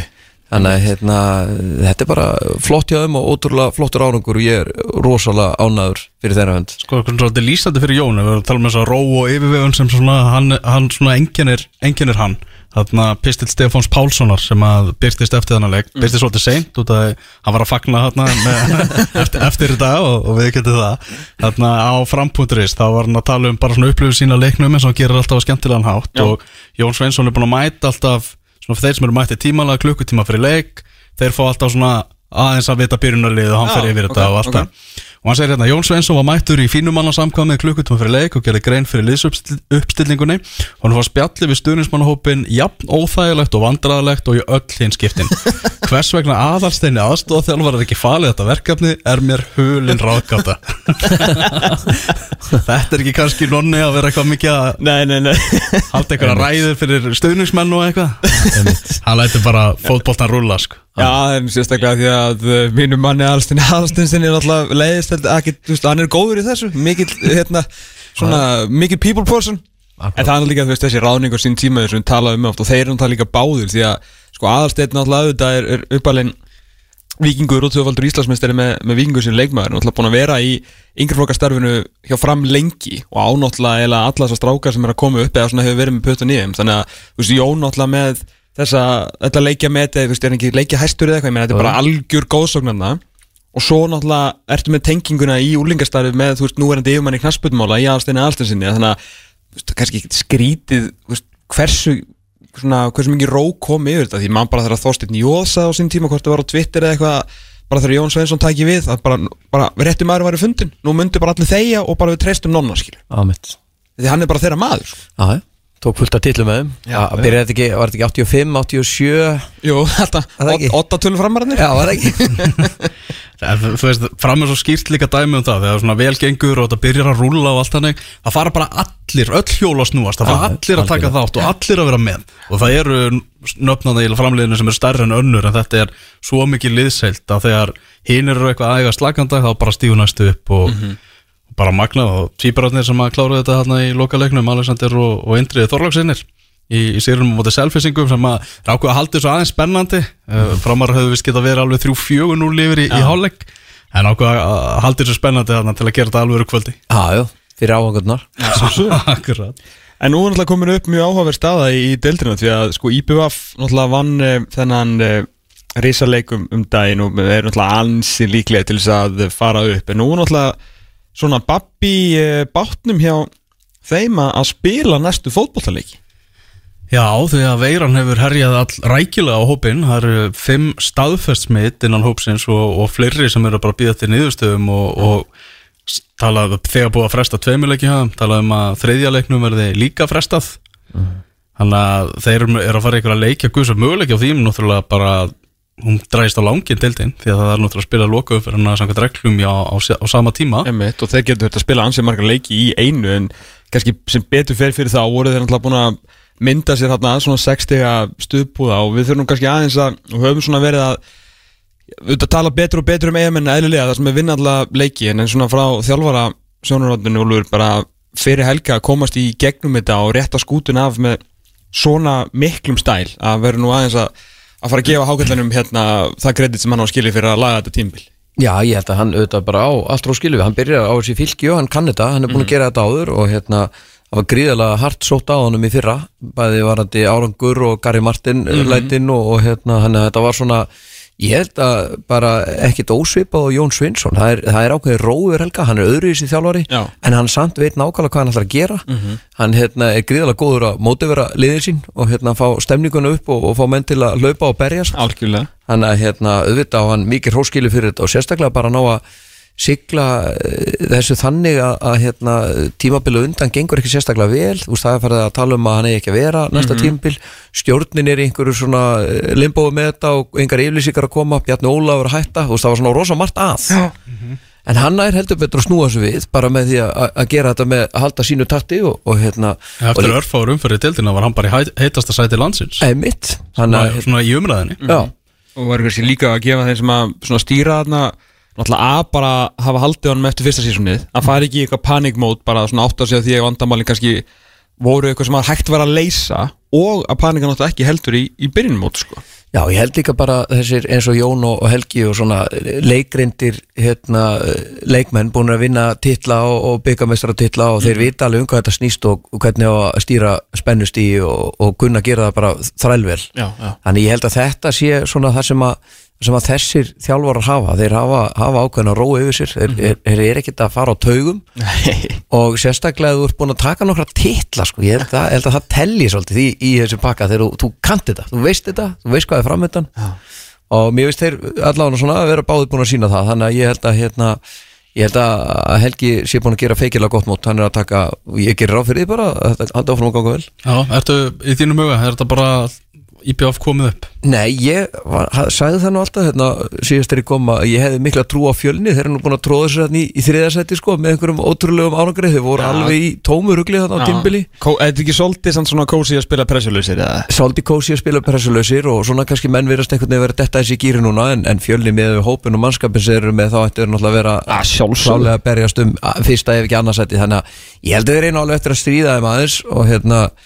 Að þeir eru svona detti gýrin þeir eru að fækka mörkin sem þeir fá á sig og, og hérna eru búin að vera Fann að skora? fannir að skora, halda hreinu síðustu tveim leikjum og, og hérna þannig að svona það er alveg svona má- smá mómentum með þeim. Já, ekki, ekki spurning. Leik, leikmaður sem við nefnum með alltaf í þessu dætti Jóhann Úleit, Jóhann Átni Þannig að ég hef aldrei talað við hann samt sko. Ég þetta sé svo leikmaður sem er minnst oftast á við þættinum á þess að ég hafi bara, ég veit ekki sinni hvernig hann talar. Já, við náttúrulega líka fórum á Jóhann og Leitn og Lundalvagnin sko fyrir einhverjum fjórum árum þegar þeir voru bara fermdir sko. Þú veist alveg eins og með binna bolta skilur við, erum að spotta á bara þegar þeir eru rétt bara að ná upp á skónum sko. Já, Við erum ekki að mæta á lestina þegar menn eru að skora fimm, við, við veitum að við erum löngu síðan sko. Akkurat, talum um að skora 5 Hann skoraði 5 í gæra á móti Viking Ólasvík Viking Ólasvík 0, fjölni 7 Og við erum náttúrulega búin að tala um að Ef í þessum uppgangi hjá fjölni Þá hefur hann bara blómstrað svakalega. Mm -hmm. Þetta er Þetta er strákur ef að fjölni sittur eftir Þá hljóta úrvastættilega að pikka hann upp á næsta tíðanbili Algjörlega, ég held að hann sé hérna, við, við rættum um hann fyrir, í, í þáttanum fyrir, fyrir tímabila að hérna, hann væri líkið þáttur í velgengni fjölnis. Það verðist einhvern veginn ekki alveg að hafa ná að kveikja, kveikja á öllum mannskapnum bara til að byrja með en þetta er svona detti í, í góðan takt núna og greinilega eru þau búin að maður veldur auðvitað fyrir sér, er, voru þeir bara of lengi í form, er þeir að toppa öllu tíma og mm. hvar, hvar eru þeir í rauninni í, í, í svona ferlinu hjá sér? Já, út af því að þeir eru ekkert búin að vera að missa mikið að leikmunni með veist, það er ekkert búin að vera mikið vesen að þeim. Nei, það er málið, þeir eru bara ekki geta skorað Nei, það hafa ekki getað skorað og eitthvað neina og það, það var svo sem, þetta er ekkert eina liðið í dildinni sem er ekki með, með sender sko. Nei, nei og hérna, þannig að, að, að þetta þetta verist allan að líta betur út núna. Jóhann, ég menna ef að fjölni verður ekki í pepsildinu næsta ára, þá verður- Jóhann bóttið þar sko. Já, þurfa þeir ekki bara ídónum út um dyrun, þú veist, er ekki bara skilda fyrir íslenska knattspinnu að, að Jóhann og spili deild á næsta tímbili, hvort sem Já. það verið í gulu eða einhverjum held að það sé algjörlega þannig. Svona núna þegar svona deildin virðist hálfpartin bara vera ráðin Ég menna þú veist það er mikið að uh, Þróttarar virðast vera á leiðinni niður með Viking Ólasvík sem eru, eru fallnir. Það er svona meðan úrslitin eru að ráðast þá er náttúrulega svekkjar sig á ymsum vikstöðum og svona hinur og þessir að svona þurfa að býtið að súra epli að tímabilið hefur ekki verið eins gott og vonast var eftir. Og það sést kannski best á pyrringnum sem er að beinast á dómgjaslinu núna í lengjudeldinni alveg, maður sér alltaf viðtali í deldinni án þess að það sé verið að tuði yfir dómgjaslunni og forráðamenn og frangatastjórar er að klippa til vídeo og setja á netið og allt hannig væri ekki meira gaman að sjá bara klúður leikmanna og vondar svona þjálfar ákvarðanir á Twitter? Bara Að klippa, klippa lélegar hérna, svona peppræður þjálfarana og lélega skiptingar og Já, ég meina sko, ef maður skoðar þetta bara ég, það er nú, maður er nú sjálfur satt á og ég, ég, það segja það örgulega allir þjálfar en þú þarft að spila betur en dómarinn. Það er svolítið svoleiðis, þú þarft að hérna, þess að vafa ákvarðanir og allt þetta, þetta þarf bara að vera í lægi þetta falli ekki þín megin í einhverjum tilfellum og ég meina það er ekkert ástæðlega að fram er í þess að setja dómarnir eru alveg búin að vera eða þeir eru búin að vera svona rosalega slagir sem menn að halda fram sem ég er endar er ekki alveg sammála þá, þá bitnar það alveg jafn mikið á fram þessu einhverjum öðrum liðum Einmitt. ég er búin að sjá fullt að leikjum eins og delta på síkasti og það verður ekkert í þessu þannig ekkert á dómgjaslinu og svo sem að viðtölinn og þá eru menn alveg brjálæðir sko. Ég bara, er þú svona innihalslaust dómaravæl oft sko. Þú veist, auðvitað kom upp atvik eins og þarna skiluru hérna Þór, var ekki Þór afturhelding skiluru þarna hann varði með hendi þú veist, þetta þegar spila er skiluru 130 leikir, ég manni hvað er margir leikir sem blessaði á móti 132 leikir eða eitthvað að dómara í næstu deilt á Íslandi er alveg að fara að gera mistök alveg eins og þessi leikmenn er að skjóta yfir á marklinu og, og skora sjálfsmörg sko. þú veist að segja sjálf sjálft en það verður eitthvað vælandi yfir þessu lón og dón alveg bara Já, þetta er svona, þetta er svona það er ákveðin friðþæðing í því að að geta kent einhverjum öðrum um að sjálfur sér. Rétt. Þannig að, gott hérna- orð líka bara friðfræðing Já, þannig að menn þurfa auðvitað bara að, að hérna, kannski líta sér nær og, og, og sjá hvað hva er þetta að gera betur til þess að til að þessi, já ég meina það er alltaf bara þannig í fótballtaleika 5-10 atriði finnst þér ekki falla þín megin. Og hérna, hvað getur þú gert til þess að skora mörg? Þú vinnur með að skora, halda markinu í reynu sko, þannig að hérna, hvort sem þið gefa vítið ekki þá, þá er þetta bara þannig að þú þarft einhvern veginn að halda, halda sjó og halda kúlinu og sína það að þú hafir reynslu til þess að koma liðinni í nóvar og, og hérna, eins og þessir þjálfar sem er í eftir setjanum við liðið sinni í dag.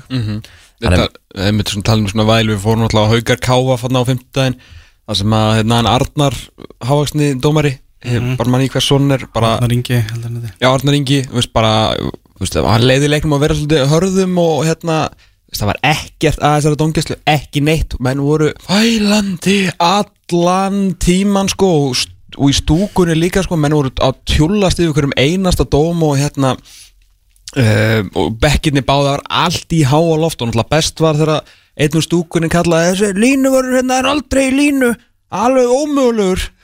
Að Birki Sigursson besti aðstóðdómari, jú býtu á Íslandi. Í annar dildinni í annar, ég veist það náttúrulega lítur bara einhvern að hafa lent í bílslis á leiðinni menn hann á ekki að vera að flaggi annari dildinni bara, þú veist maður á bara að vera í endurheim hann er ekkert að gera, hann er betur en allir leikmenninni sko. En bara svona, ég bara til að undirstreka hvað þetta er mikið töð um mikið neitt sko. Já. En við lítum á þess að 17. umferð það var náttúrulega leik afturlendingar og, og vestra frestað. Eh, Grindavík vinnur sigur á móti þrótti eftir að þróttarar hafi komist yfir og eh, þeir komist yfir á 27. minúti Róbert Haugsson og þá kom svona bara leið og þróttarar komist yfir í svo leik þá komist svakalegu skjált í það þeir voru bara svona hrættir einhvern veginn að vera komnir í í fórustuna uh, Sigur Bjartur Halsson enn og aftur ég bara spyr hvar hvar væri Grindavík í töflunni ef, ekki, ef hans nýtt ekki við? Já, og nógu vond enn og tímbili búið að vera sko. Já. Sko, hérna, Sigurberti geti alveg stólið guldskónum af Petri Theodor sko. Hann er komin í 16 mörg strákurinn. Já, hann er tveimu mörgum eftir Pétri Og nógu nú búið að tala um Pétur á tímbili Eðlilega og á það fullulega skilið sko. En kannski ekki tala alveg nógu mikið um Sigurbjart Við að þetta er svona einhver óvæntasta stjarnar í næstöfstu del sem ég hef bara séð í háa herrans tíð sko. Já, og tala líka um það bara að hann sé bara uppskera laun erfiðisins búin að leggja mikið á sig til að, til að bæta sín leik. Já, maður kann alltaf að meta sólið sólur.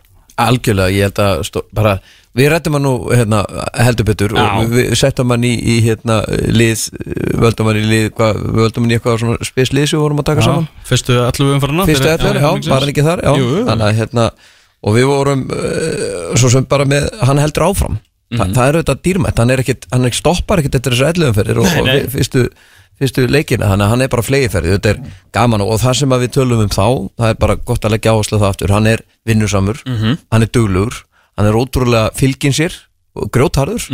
Og svo hefur hann líka bara fína hraða og er, þú veist, það er hundliðelt að spila á mótunum Það er fullt í honum Það er fullt í honum sko Þannig að þetta verður, hann verður svona e, e, meina, e, Getur við sagt að hann sé á svipum stað og Jóhann átni varandi það að, að hérna, næ grinda ekki að halda honum fyrir næsta sísón heldur að sé ekki eitthvað lið fara að hoppa á vagnin og, og gefa þessum leikmanni færi til þess að spila í pepsildinni á næsta ári. Sko það er ekki, ekki spurning því að bara markaðurinn er bara þannig að það vantar öllum leikmenn mm -hmm. Þetta er bara leikmaður sem að til dæmis eins og ef að fylgir heldur sér uppi bara svona akkurat gæði sem maður getur séð fara þangað og veist, hann getur alveg spilað fyrir betra lið ég er ekki að segja bara svona það, það vantar allan alltaf eitthvað sem getur skorað sko. þannig að það verður mjög auðvelt fyrir hann að komast í Pepsi Max dildina ef hann allar ekki að hjálpa grindvíkingunum á, á næstu leikti sko, sem að hún alltaf ber engin skilda til ég meina 99 mótil, það er komin tími fyrir hann að fara í Algjörlega. efst deild aftur, þar sem hann alltaf með grinda eitthvað Algjörlega á sín tíma,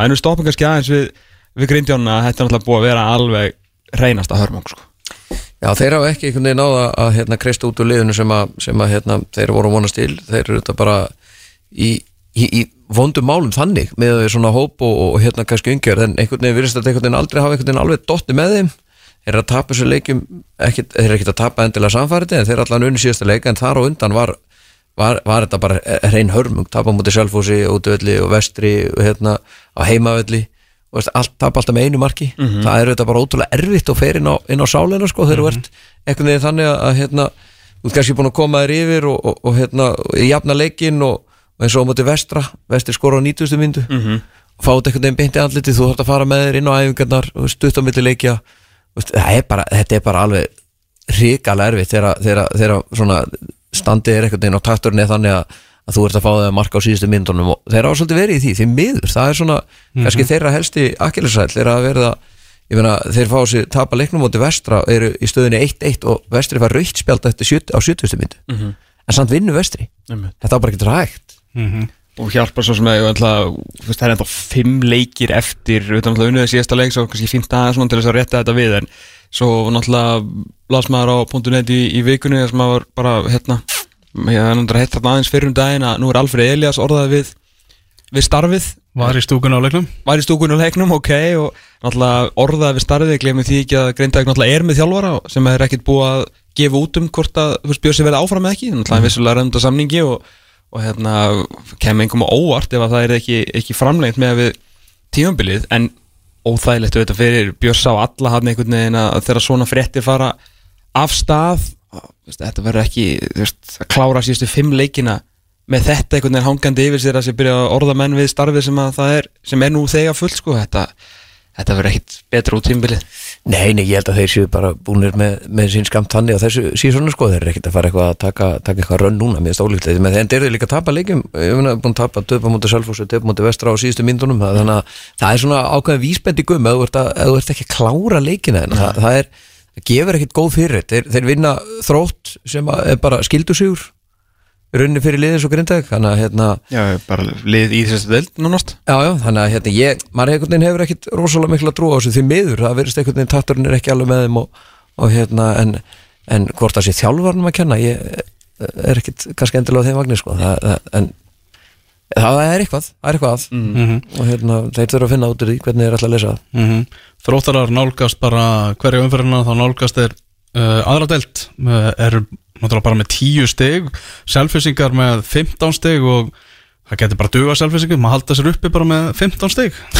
Veist það? Er- Já, ég held að, ég held að eins og verið þrótt við rættum það nú hérna, fyrir tímabil og, og hérna, höfum gert það núna í svona þáttunum sem við höfum tekið að hérna, það er alltaf bara komin tíma á það fyrir þrótt eins og þeir hafa verið að gera núna. Þeir eru að spila á sínum ungu leikmönnum. Mhm. eru þeir ekki bara að fara að horfa líka svolítið á næsta tímabil þeir sem eru í kringu félagi eða að önnutildin verður bara svona ákveði verkefni fyrir þá og þeir ætla að koma sterkar upp í fyrstildina að ári. Ég held að það sé eitthvað sem að öll lið hafa bara gott að aðeins að núlstilla sig og, það er búið að vera rosalega skrítin dýnamik í kringum félagið mörg ár. Hérna, uh, metnaðurinn þannig að, að, að það er allir tilbúinir að, fara á ákveðin stað en það er enginn tilbúin að ganga sko. Nei. En svo var náttúrulega bara verkefni fyrir það áskilur að þið þurfa að halda sínum bestu ungu leikmönnum að það er alltaf að vera með ykkur uppbyggingu í annar deildinni því að ég er ekki að sjá Robert Hauksson eins og ég saði í síðasta þætti, ég er ekki að sjá hann spila í, í annar deild. Nei, nei, það verður æri verkefni fyrir að halda honum. Ég held samt að, er hann samt ekki eini svona sem myndir einhvern veginn bara svona taka núna?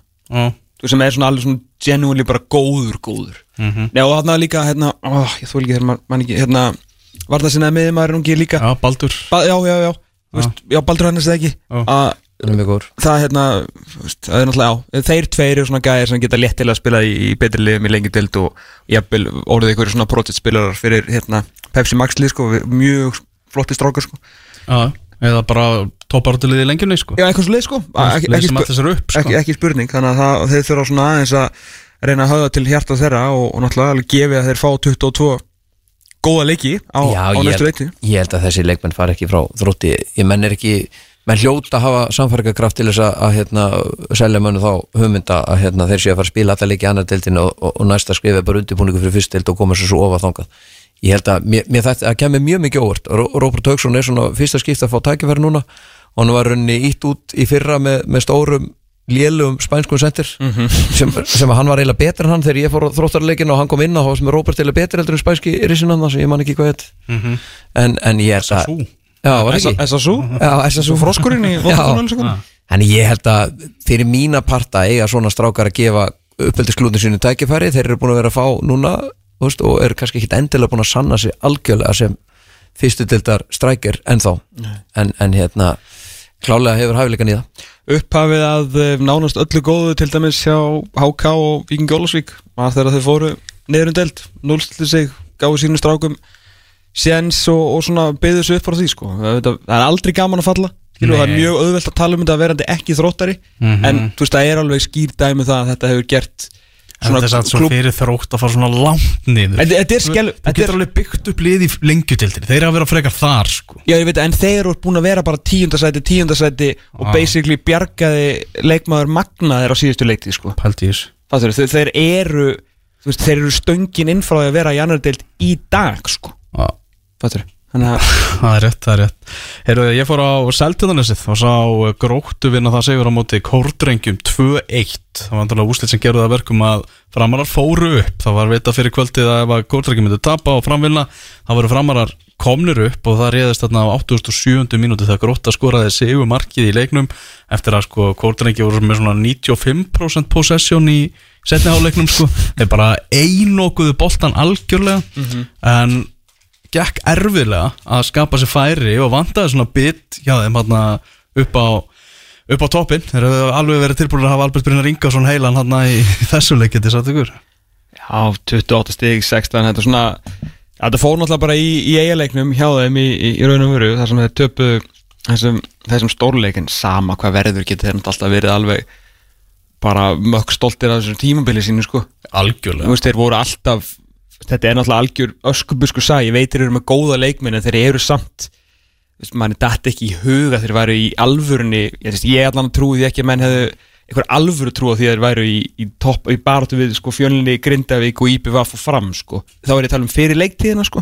Maður hefði, maður hefði frekar tekið að þannig að gróta ætti að vera það sko. Emitt Þannig að hérna, mér finnst hérna, mér finnst þetta bara hörku góð sigur að grótu Kortreikir eru svona kannski aðeins brotni núna eftir, eftir eins og þú sagðir leikina mútið í BVF og, og hérna nú er búin að tapa tveimur röð þannig að þetta er svona aðeins þingar núna já, Er þetta ekki fyrsta sinn bara sem að tapa tveimur röð? jú, held þetta, þetta er það Já.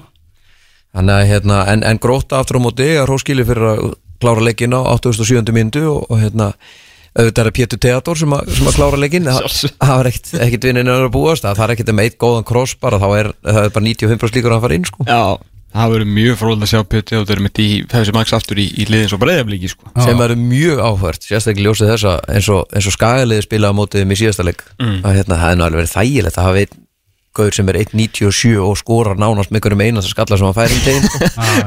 En það sem- mann sem að hoppar upp býður ekki að fá snertingun og fer niður það er hann er líka 1.97 sko það er, það Er hann svo stóra? 1.97 Jesus Christ. Óskar Hrafn og Dóri voru með þetta í, í ánesinu Auðvitað. Að Fylgjast með því. Auðvitað, sem, að- sem, að- sem er á leiðinni. Stutt að fara. Stutt að fara. Búa er ekki báður þarna? Jú. Jú, ekki. Þrísir er röð hjá, hjá gróttumörum. Það sem er svona Já, samt rosa Jú, jú, Flott hjá fjölni og gróttu Þetta er, þetta er, þetta er ég sko að vera stuðnismæður þessa liðis Já, er, svona, já, við erum svona góður Hefur kannski átt að pæli þessu svona í sjöundum ferð já, þetta er bara allt og seint Þetta er alveg þekkt apparat Þegar menn eru, þú veist, þeir eru eiginlega búið Og pressan fer af mönnum Og þú veist, þá geta fara kannski að sína miklu betur Þú veist, þú ert ekki að spila með einhverja byrði á herðunum sko. Jú, jú. Þannig að það er mjög erfitt að standandi að vera í einhverju standandi lófataki fyrir lið sem að fara að spila sinn besta bolta þegar ekkert er undir sko. Nei, nei, þau eru allavega að ná að snúa þessu við. Ég held Já, að það er, og koma inn í þá næstu leikni fyrir, neðan uh, gróttu heldur en að gróta er. Gróta er hérna sennilega minnsta félagi með, með, með fæstu yðkendunar fyrir Mhm. utan kórdrengi að sjálfsögðu. Þannig að hérna það er auðvitað bara aðdánuvert að gróta sér bara búin að stabilisera, stabilisera sig sem fyrstelda lið og eru miða deild og þetta hefðu ekki að farið upp er gerðu með sama mannskap. Mhm. og hérna þannig að þeir eiga hellinginni mér, mér finnst þetta Ég finnst þetta að vera þannig að, að, hérna, menn geta alveg verið stoltir á, á seldanir yfir, yfir því að þeir séu bara búin að stabilisera sig í deildinni en meða við hópin og þeir hafa gert þetta áður með þennan hóp þá vill maður kannski sjá á ofar. Já, já, klálega, klálega sko. Nákvæmlega, hann að uh, fram er samt ekki að fara upp í Pepsi Max deildina vantanlega, því að er hann að fara að heita Pepsi Max deildina á næsta ári? Já, nei, já, öruglega ekki nei. Nei, Nei, hvað er hann að fara þetta? uh, Já, mantalega úrvalstildinni og það verður laust. Því að reyndar heyrt eitthvað aðeins á því að að Karfa náttúrulega að stela þessu að þeim og, og taka sem sagt fótboltakonsepti sko Þannig að þeir getur verið búin að ræna úrvalstildin Þannig að hérna En hugmyndin er svo um þetta að taka norskulegina á sem hefur tekið bara víðast hvar núna í Evrópu. Það er bara að það, er- hún bara heitir þetta þessi deild og bara markasett sem það bara næstu árin. Og það er engin eitt styrtaræðili það eru nokkri styrtaræðilar í deildinni og allt það. Þannig að hún haldið svona samanlafninu Toppdeildin? Toppdeildin. Og hann Elít eitthvað. Elitserien sko. Þetta er allt betra á öðrum tungumálum. Það er miklu betra. Allsvenskan, Já. Og Elitserien er einhvern veginn allt flottara heldur en úrvalstildin Nei, nei, það er þetta fín betri deildin, það er að besta samt. Já, ég færi um Já, það er það, banki, það, það er- sann spons Já, það er spóns sko, Já. það er þannig.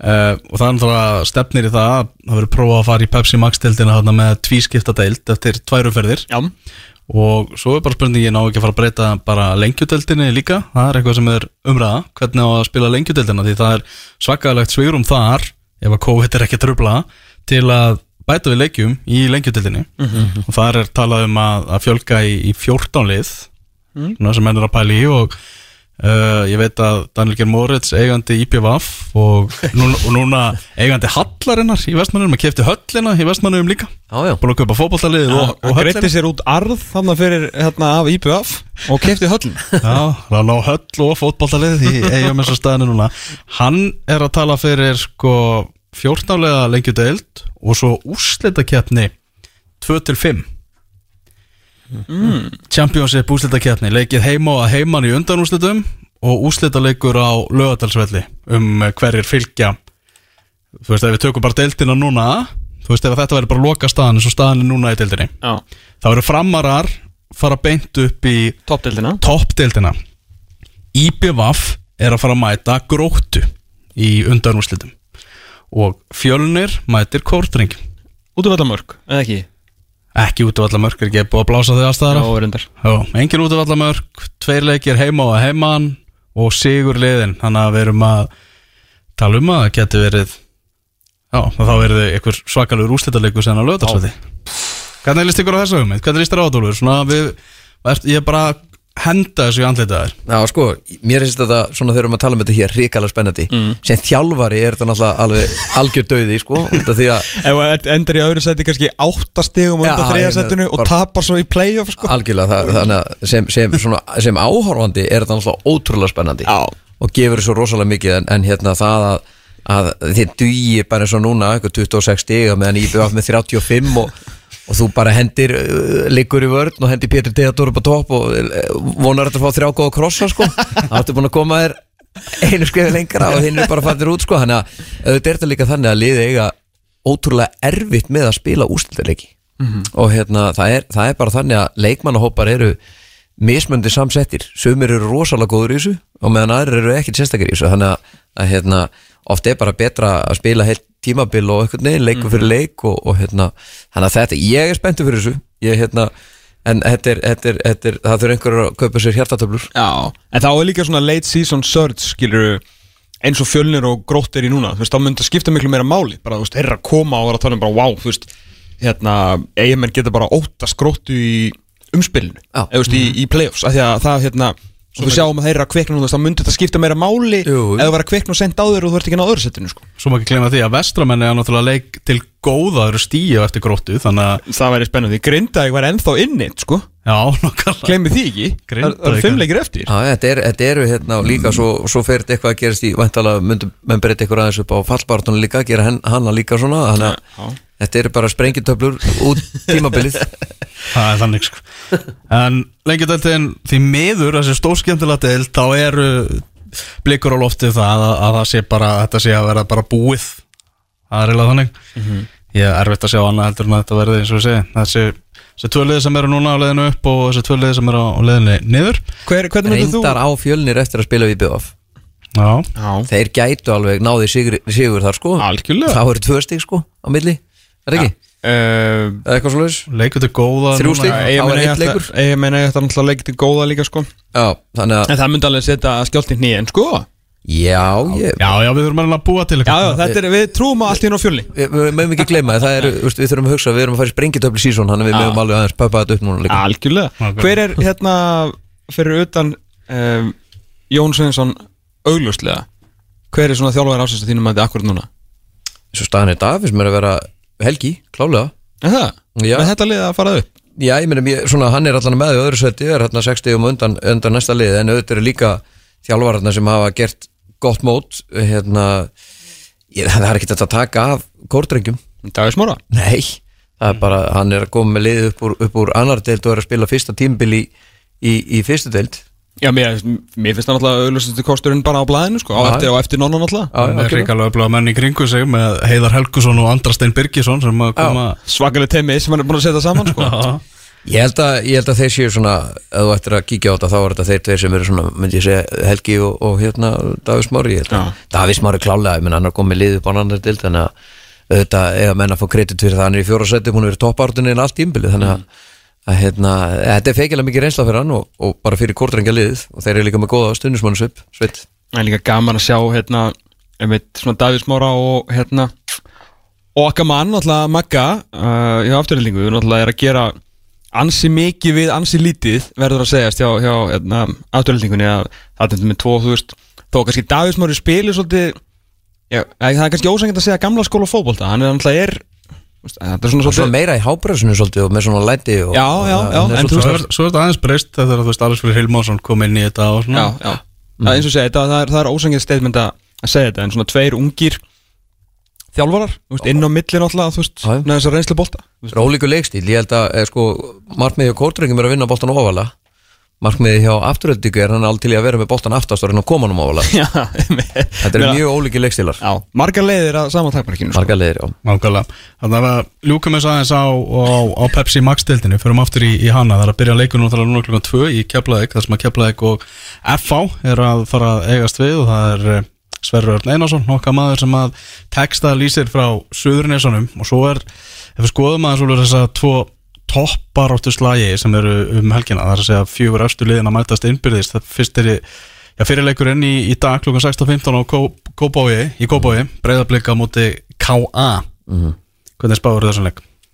Ég, hérna, ætla að segja að breyðablík vinni hennar leik. Mér finnst þeir búin að vera á þannig svona, hérna, skriði að þeir eru stórhættilegur að meðan Káa hafa svolítið verið svona, að svona smá jójó fílingur um, jættefli sigur tap og hérna, já, eða, eða, eða, eða jættefli tap sigur unni mm unnu síðasta leik þetta, á móti stjórnunni sem var feikilega vel gert en þeir töpuðu samt alveg þokkala samfærdi fyrir keflæk á meðan að breyðablík aftur á móti virðist vera að finna taktin sem að Óskar svona Já, það sem hann kemur með þegar hann fæði tíma með liðunum eins og hann gerir með gróttu að liðin fann að læra leikstílinans miklu, miklu, miklu betur.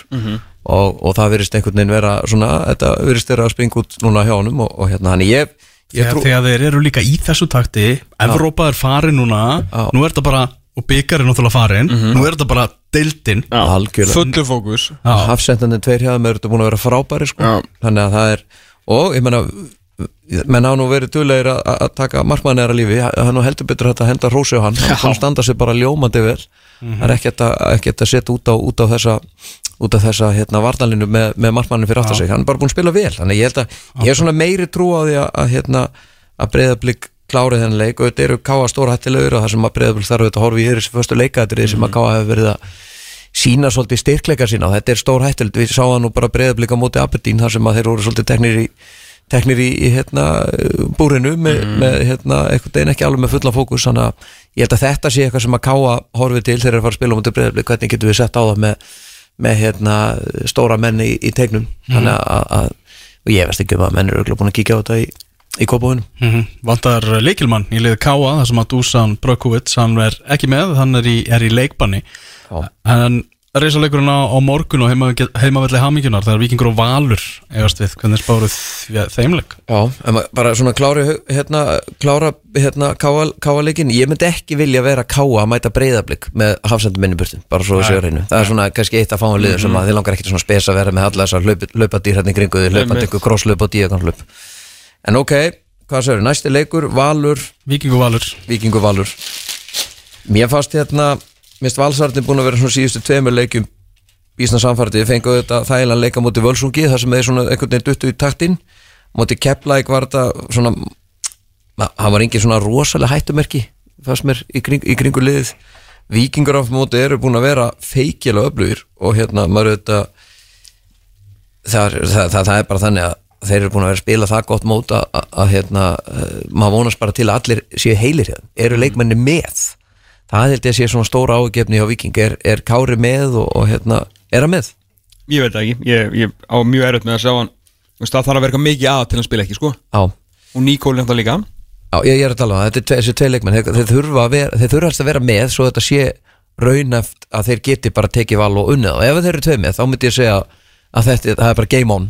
Já, ef þeir eru ekki með, þá er þetta pinnu og með markaskoraðinn og besta hafsendildinni. Það, það er aðeins vissan að missa þá tvo og til að Besta, besta frammerjan og besta varnamannin í Já, deildinni það er, það er svona, þú veit ekki að spila þessu tímur það er, ég er ekki alveg að sjá jöfnun að ganga upp þannig en, Nei, en með þá tvo innanbórs og, og hérna það er nú bara þannig að Víkingur hefur gert val ansi erfitt fyrir í mörgu leikum Mhm. eru að komast yfir og, og hvað, náður ekki þrjú þrjú jafntefli á móti heima heima allir fyrra jú, jöfnu á 1950 í fyrirleiknum og þeir eiga, þeir- valur á erfiðleikum með Víking. Já, en það var léttir að í fyrra þegar voru þar allir frá. Já þess vegna segir sko Víkingur án Kára og Nikolai. Þa, það er ekki og Júla og já, Kallafriða já, það er ekkit alveg sama Víkingslið og, Nei, og hérna þeirra þessi leikmennir með þannig að fyrir mér er þetta uh, dettu valsmeginni að þessi leikmenn er ekki með en, en verður hörkuleikur ef þessi tveir spila leikin mm -hmm. Viljálmur Alvar, hann verður með flautuna í Kópavóinum í dag og hann verður með skiltið í, í víkinni á morgun. Já fínt, það var alveg hræðilegur þegar hann var síðast í vikinni Alveg hræðilegur sko, guð mig góður Þú voru við ekki að tala um að við ætlum aðeins að var hræðilegur, það veist, Já, engin ok. stóridómar En hann var alveg með eng djúvöldlanlega maður. Helgi Mikael Jónasson sérum að dæma stórleik Víkings og, Vals og. Hvern viltu fá það? uh, Já, það er svona tekið vilja frekar. En vil maður ekki erlend, Helgi Mikael með þannig leik? Já, já, Helgi Mikael með, leik Víkings og Vals. Nei, herra, hann er að hlusta, ég fa- fagna þessu. Ekki þú flottur Já, er- ég meina, þetta er allt, þetta er allt flotti dómar Ég held að það skiptir, skiptir litlu máli hver er, hver er hérna á, á flautunni. Ég, Þessi leikmenn þurfa bara, þeir sem er inn á vellinum að spila fyrir liði sín, það eru þeir sem að vinna leikina. Rétt. Það er bara meðfald Það er bara þannig. Úlfur Blandón bara búið að vera heiður að fá þau hérna í þáttinn að að vanda. Uh, Enski boltinn, hvað er, hvað er framönda þar? Við erum að tala um 2-0 sigur hjá Liverpool á móti uh, í hátæðis, hátæðisleiknum aðan á móti Börnlegi Þægilegir, Manchester City Norwich er að fara á stað eh, og svo voru náttúrulega fjóri leikir hún í gangi á sama tíma. Þú ert að fara í Brighton Watford og eftir ég er mm. markarsirspunni í kvöld mm -hmm. Southampton Manchester United og Wolves Tottenham líka núna og fyrir bara heim strax í annar umferð. Já, að hérna, mér vantar að fá bara mjög fallegar og, og góða mótökur ég á ekki vona á, á neinu öðru sko og síðan auðvitað Arsenal Chelsea stórleikur á morgun og, og fyrsti mándagsleikurinn Vestam Leicester á, á hérna, mándagskvöldi Já. það er svona góður mánudag, svona ekta mándagsleikur Þetta er frábæð mánudagsleikur. Mjög góður mándagsleikur Já, á mánudöfum eiga liðið svo Vestam og Leicester að spila. Þessi lið frá London. Já, það verður mjög, mjög fint sko. Mjög fint sko. Boltinn er með að fara að halda þér uh, fjárverandi uh, næsta lögada í þessum þætti. Jú, jú því að það er svakalega leikum Manchester City og Arsenal sem Já. er hátæðisleikurinn eftir, eftir viku. Og síðdegisleikurinn sama dag er Leopold Chelsea sko. Já, Já, Litli vá. lögadagurinn, það er löng vakt á kallin sko. Þetta er alvöru lögadagur sem framöndan er. Uh, Benedikt Bós, hann kemur á bekknum og verður með mér á, á lögadagin næsta þar sem að landslið verður vantarlega í forgrunni. Alltaf, þú líki þegar ég missa á landslist áttum Já, þeir eru alltaf skemmtilegir. Já, þeir eru mjög góðir sko. Það er mætt að segja um strákan okkar sko Já, það er eins og það er. Það er eins og þeir Eru búinir það? Já. Gekkja, herru, Ólfur, takk fyrir komuna. Takk fyrir mig. Gaman að fá þig. Eh, Eins og segir, þá verð ég ekki hérna um næstu helgi En eh, Elvar Gjörn Magnússon og Benedikt Bóas Henriksson verða með ykkur. Eftir 6 daga og 22 tíma. Þanga til, verðið sæl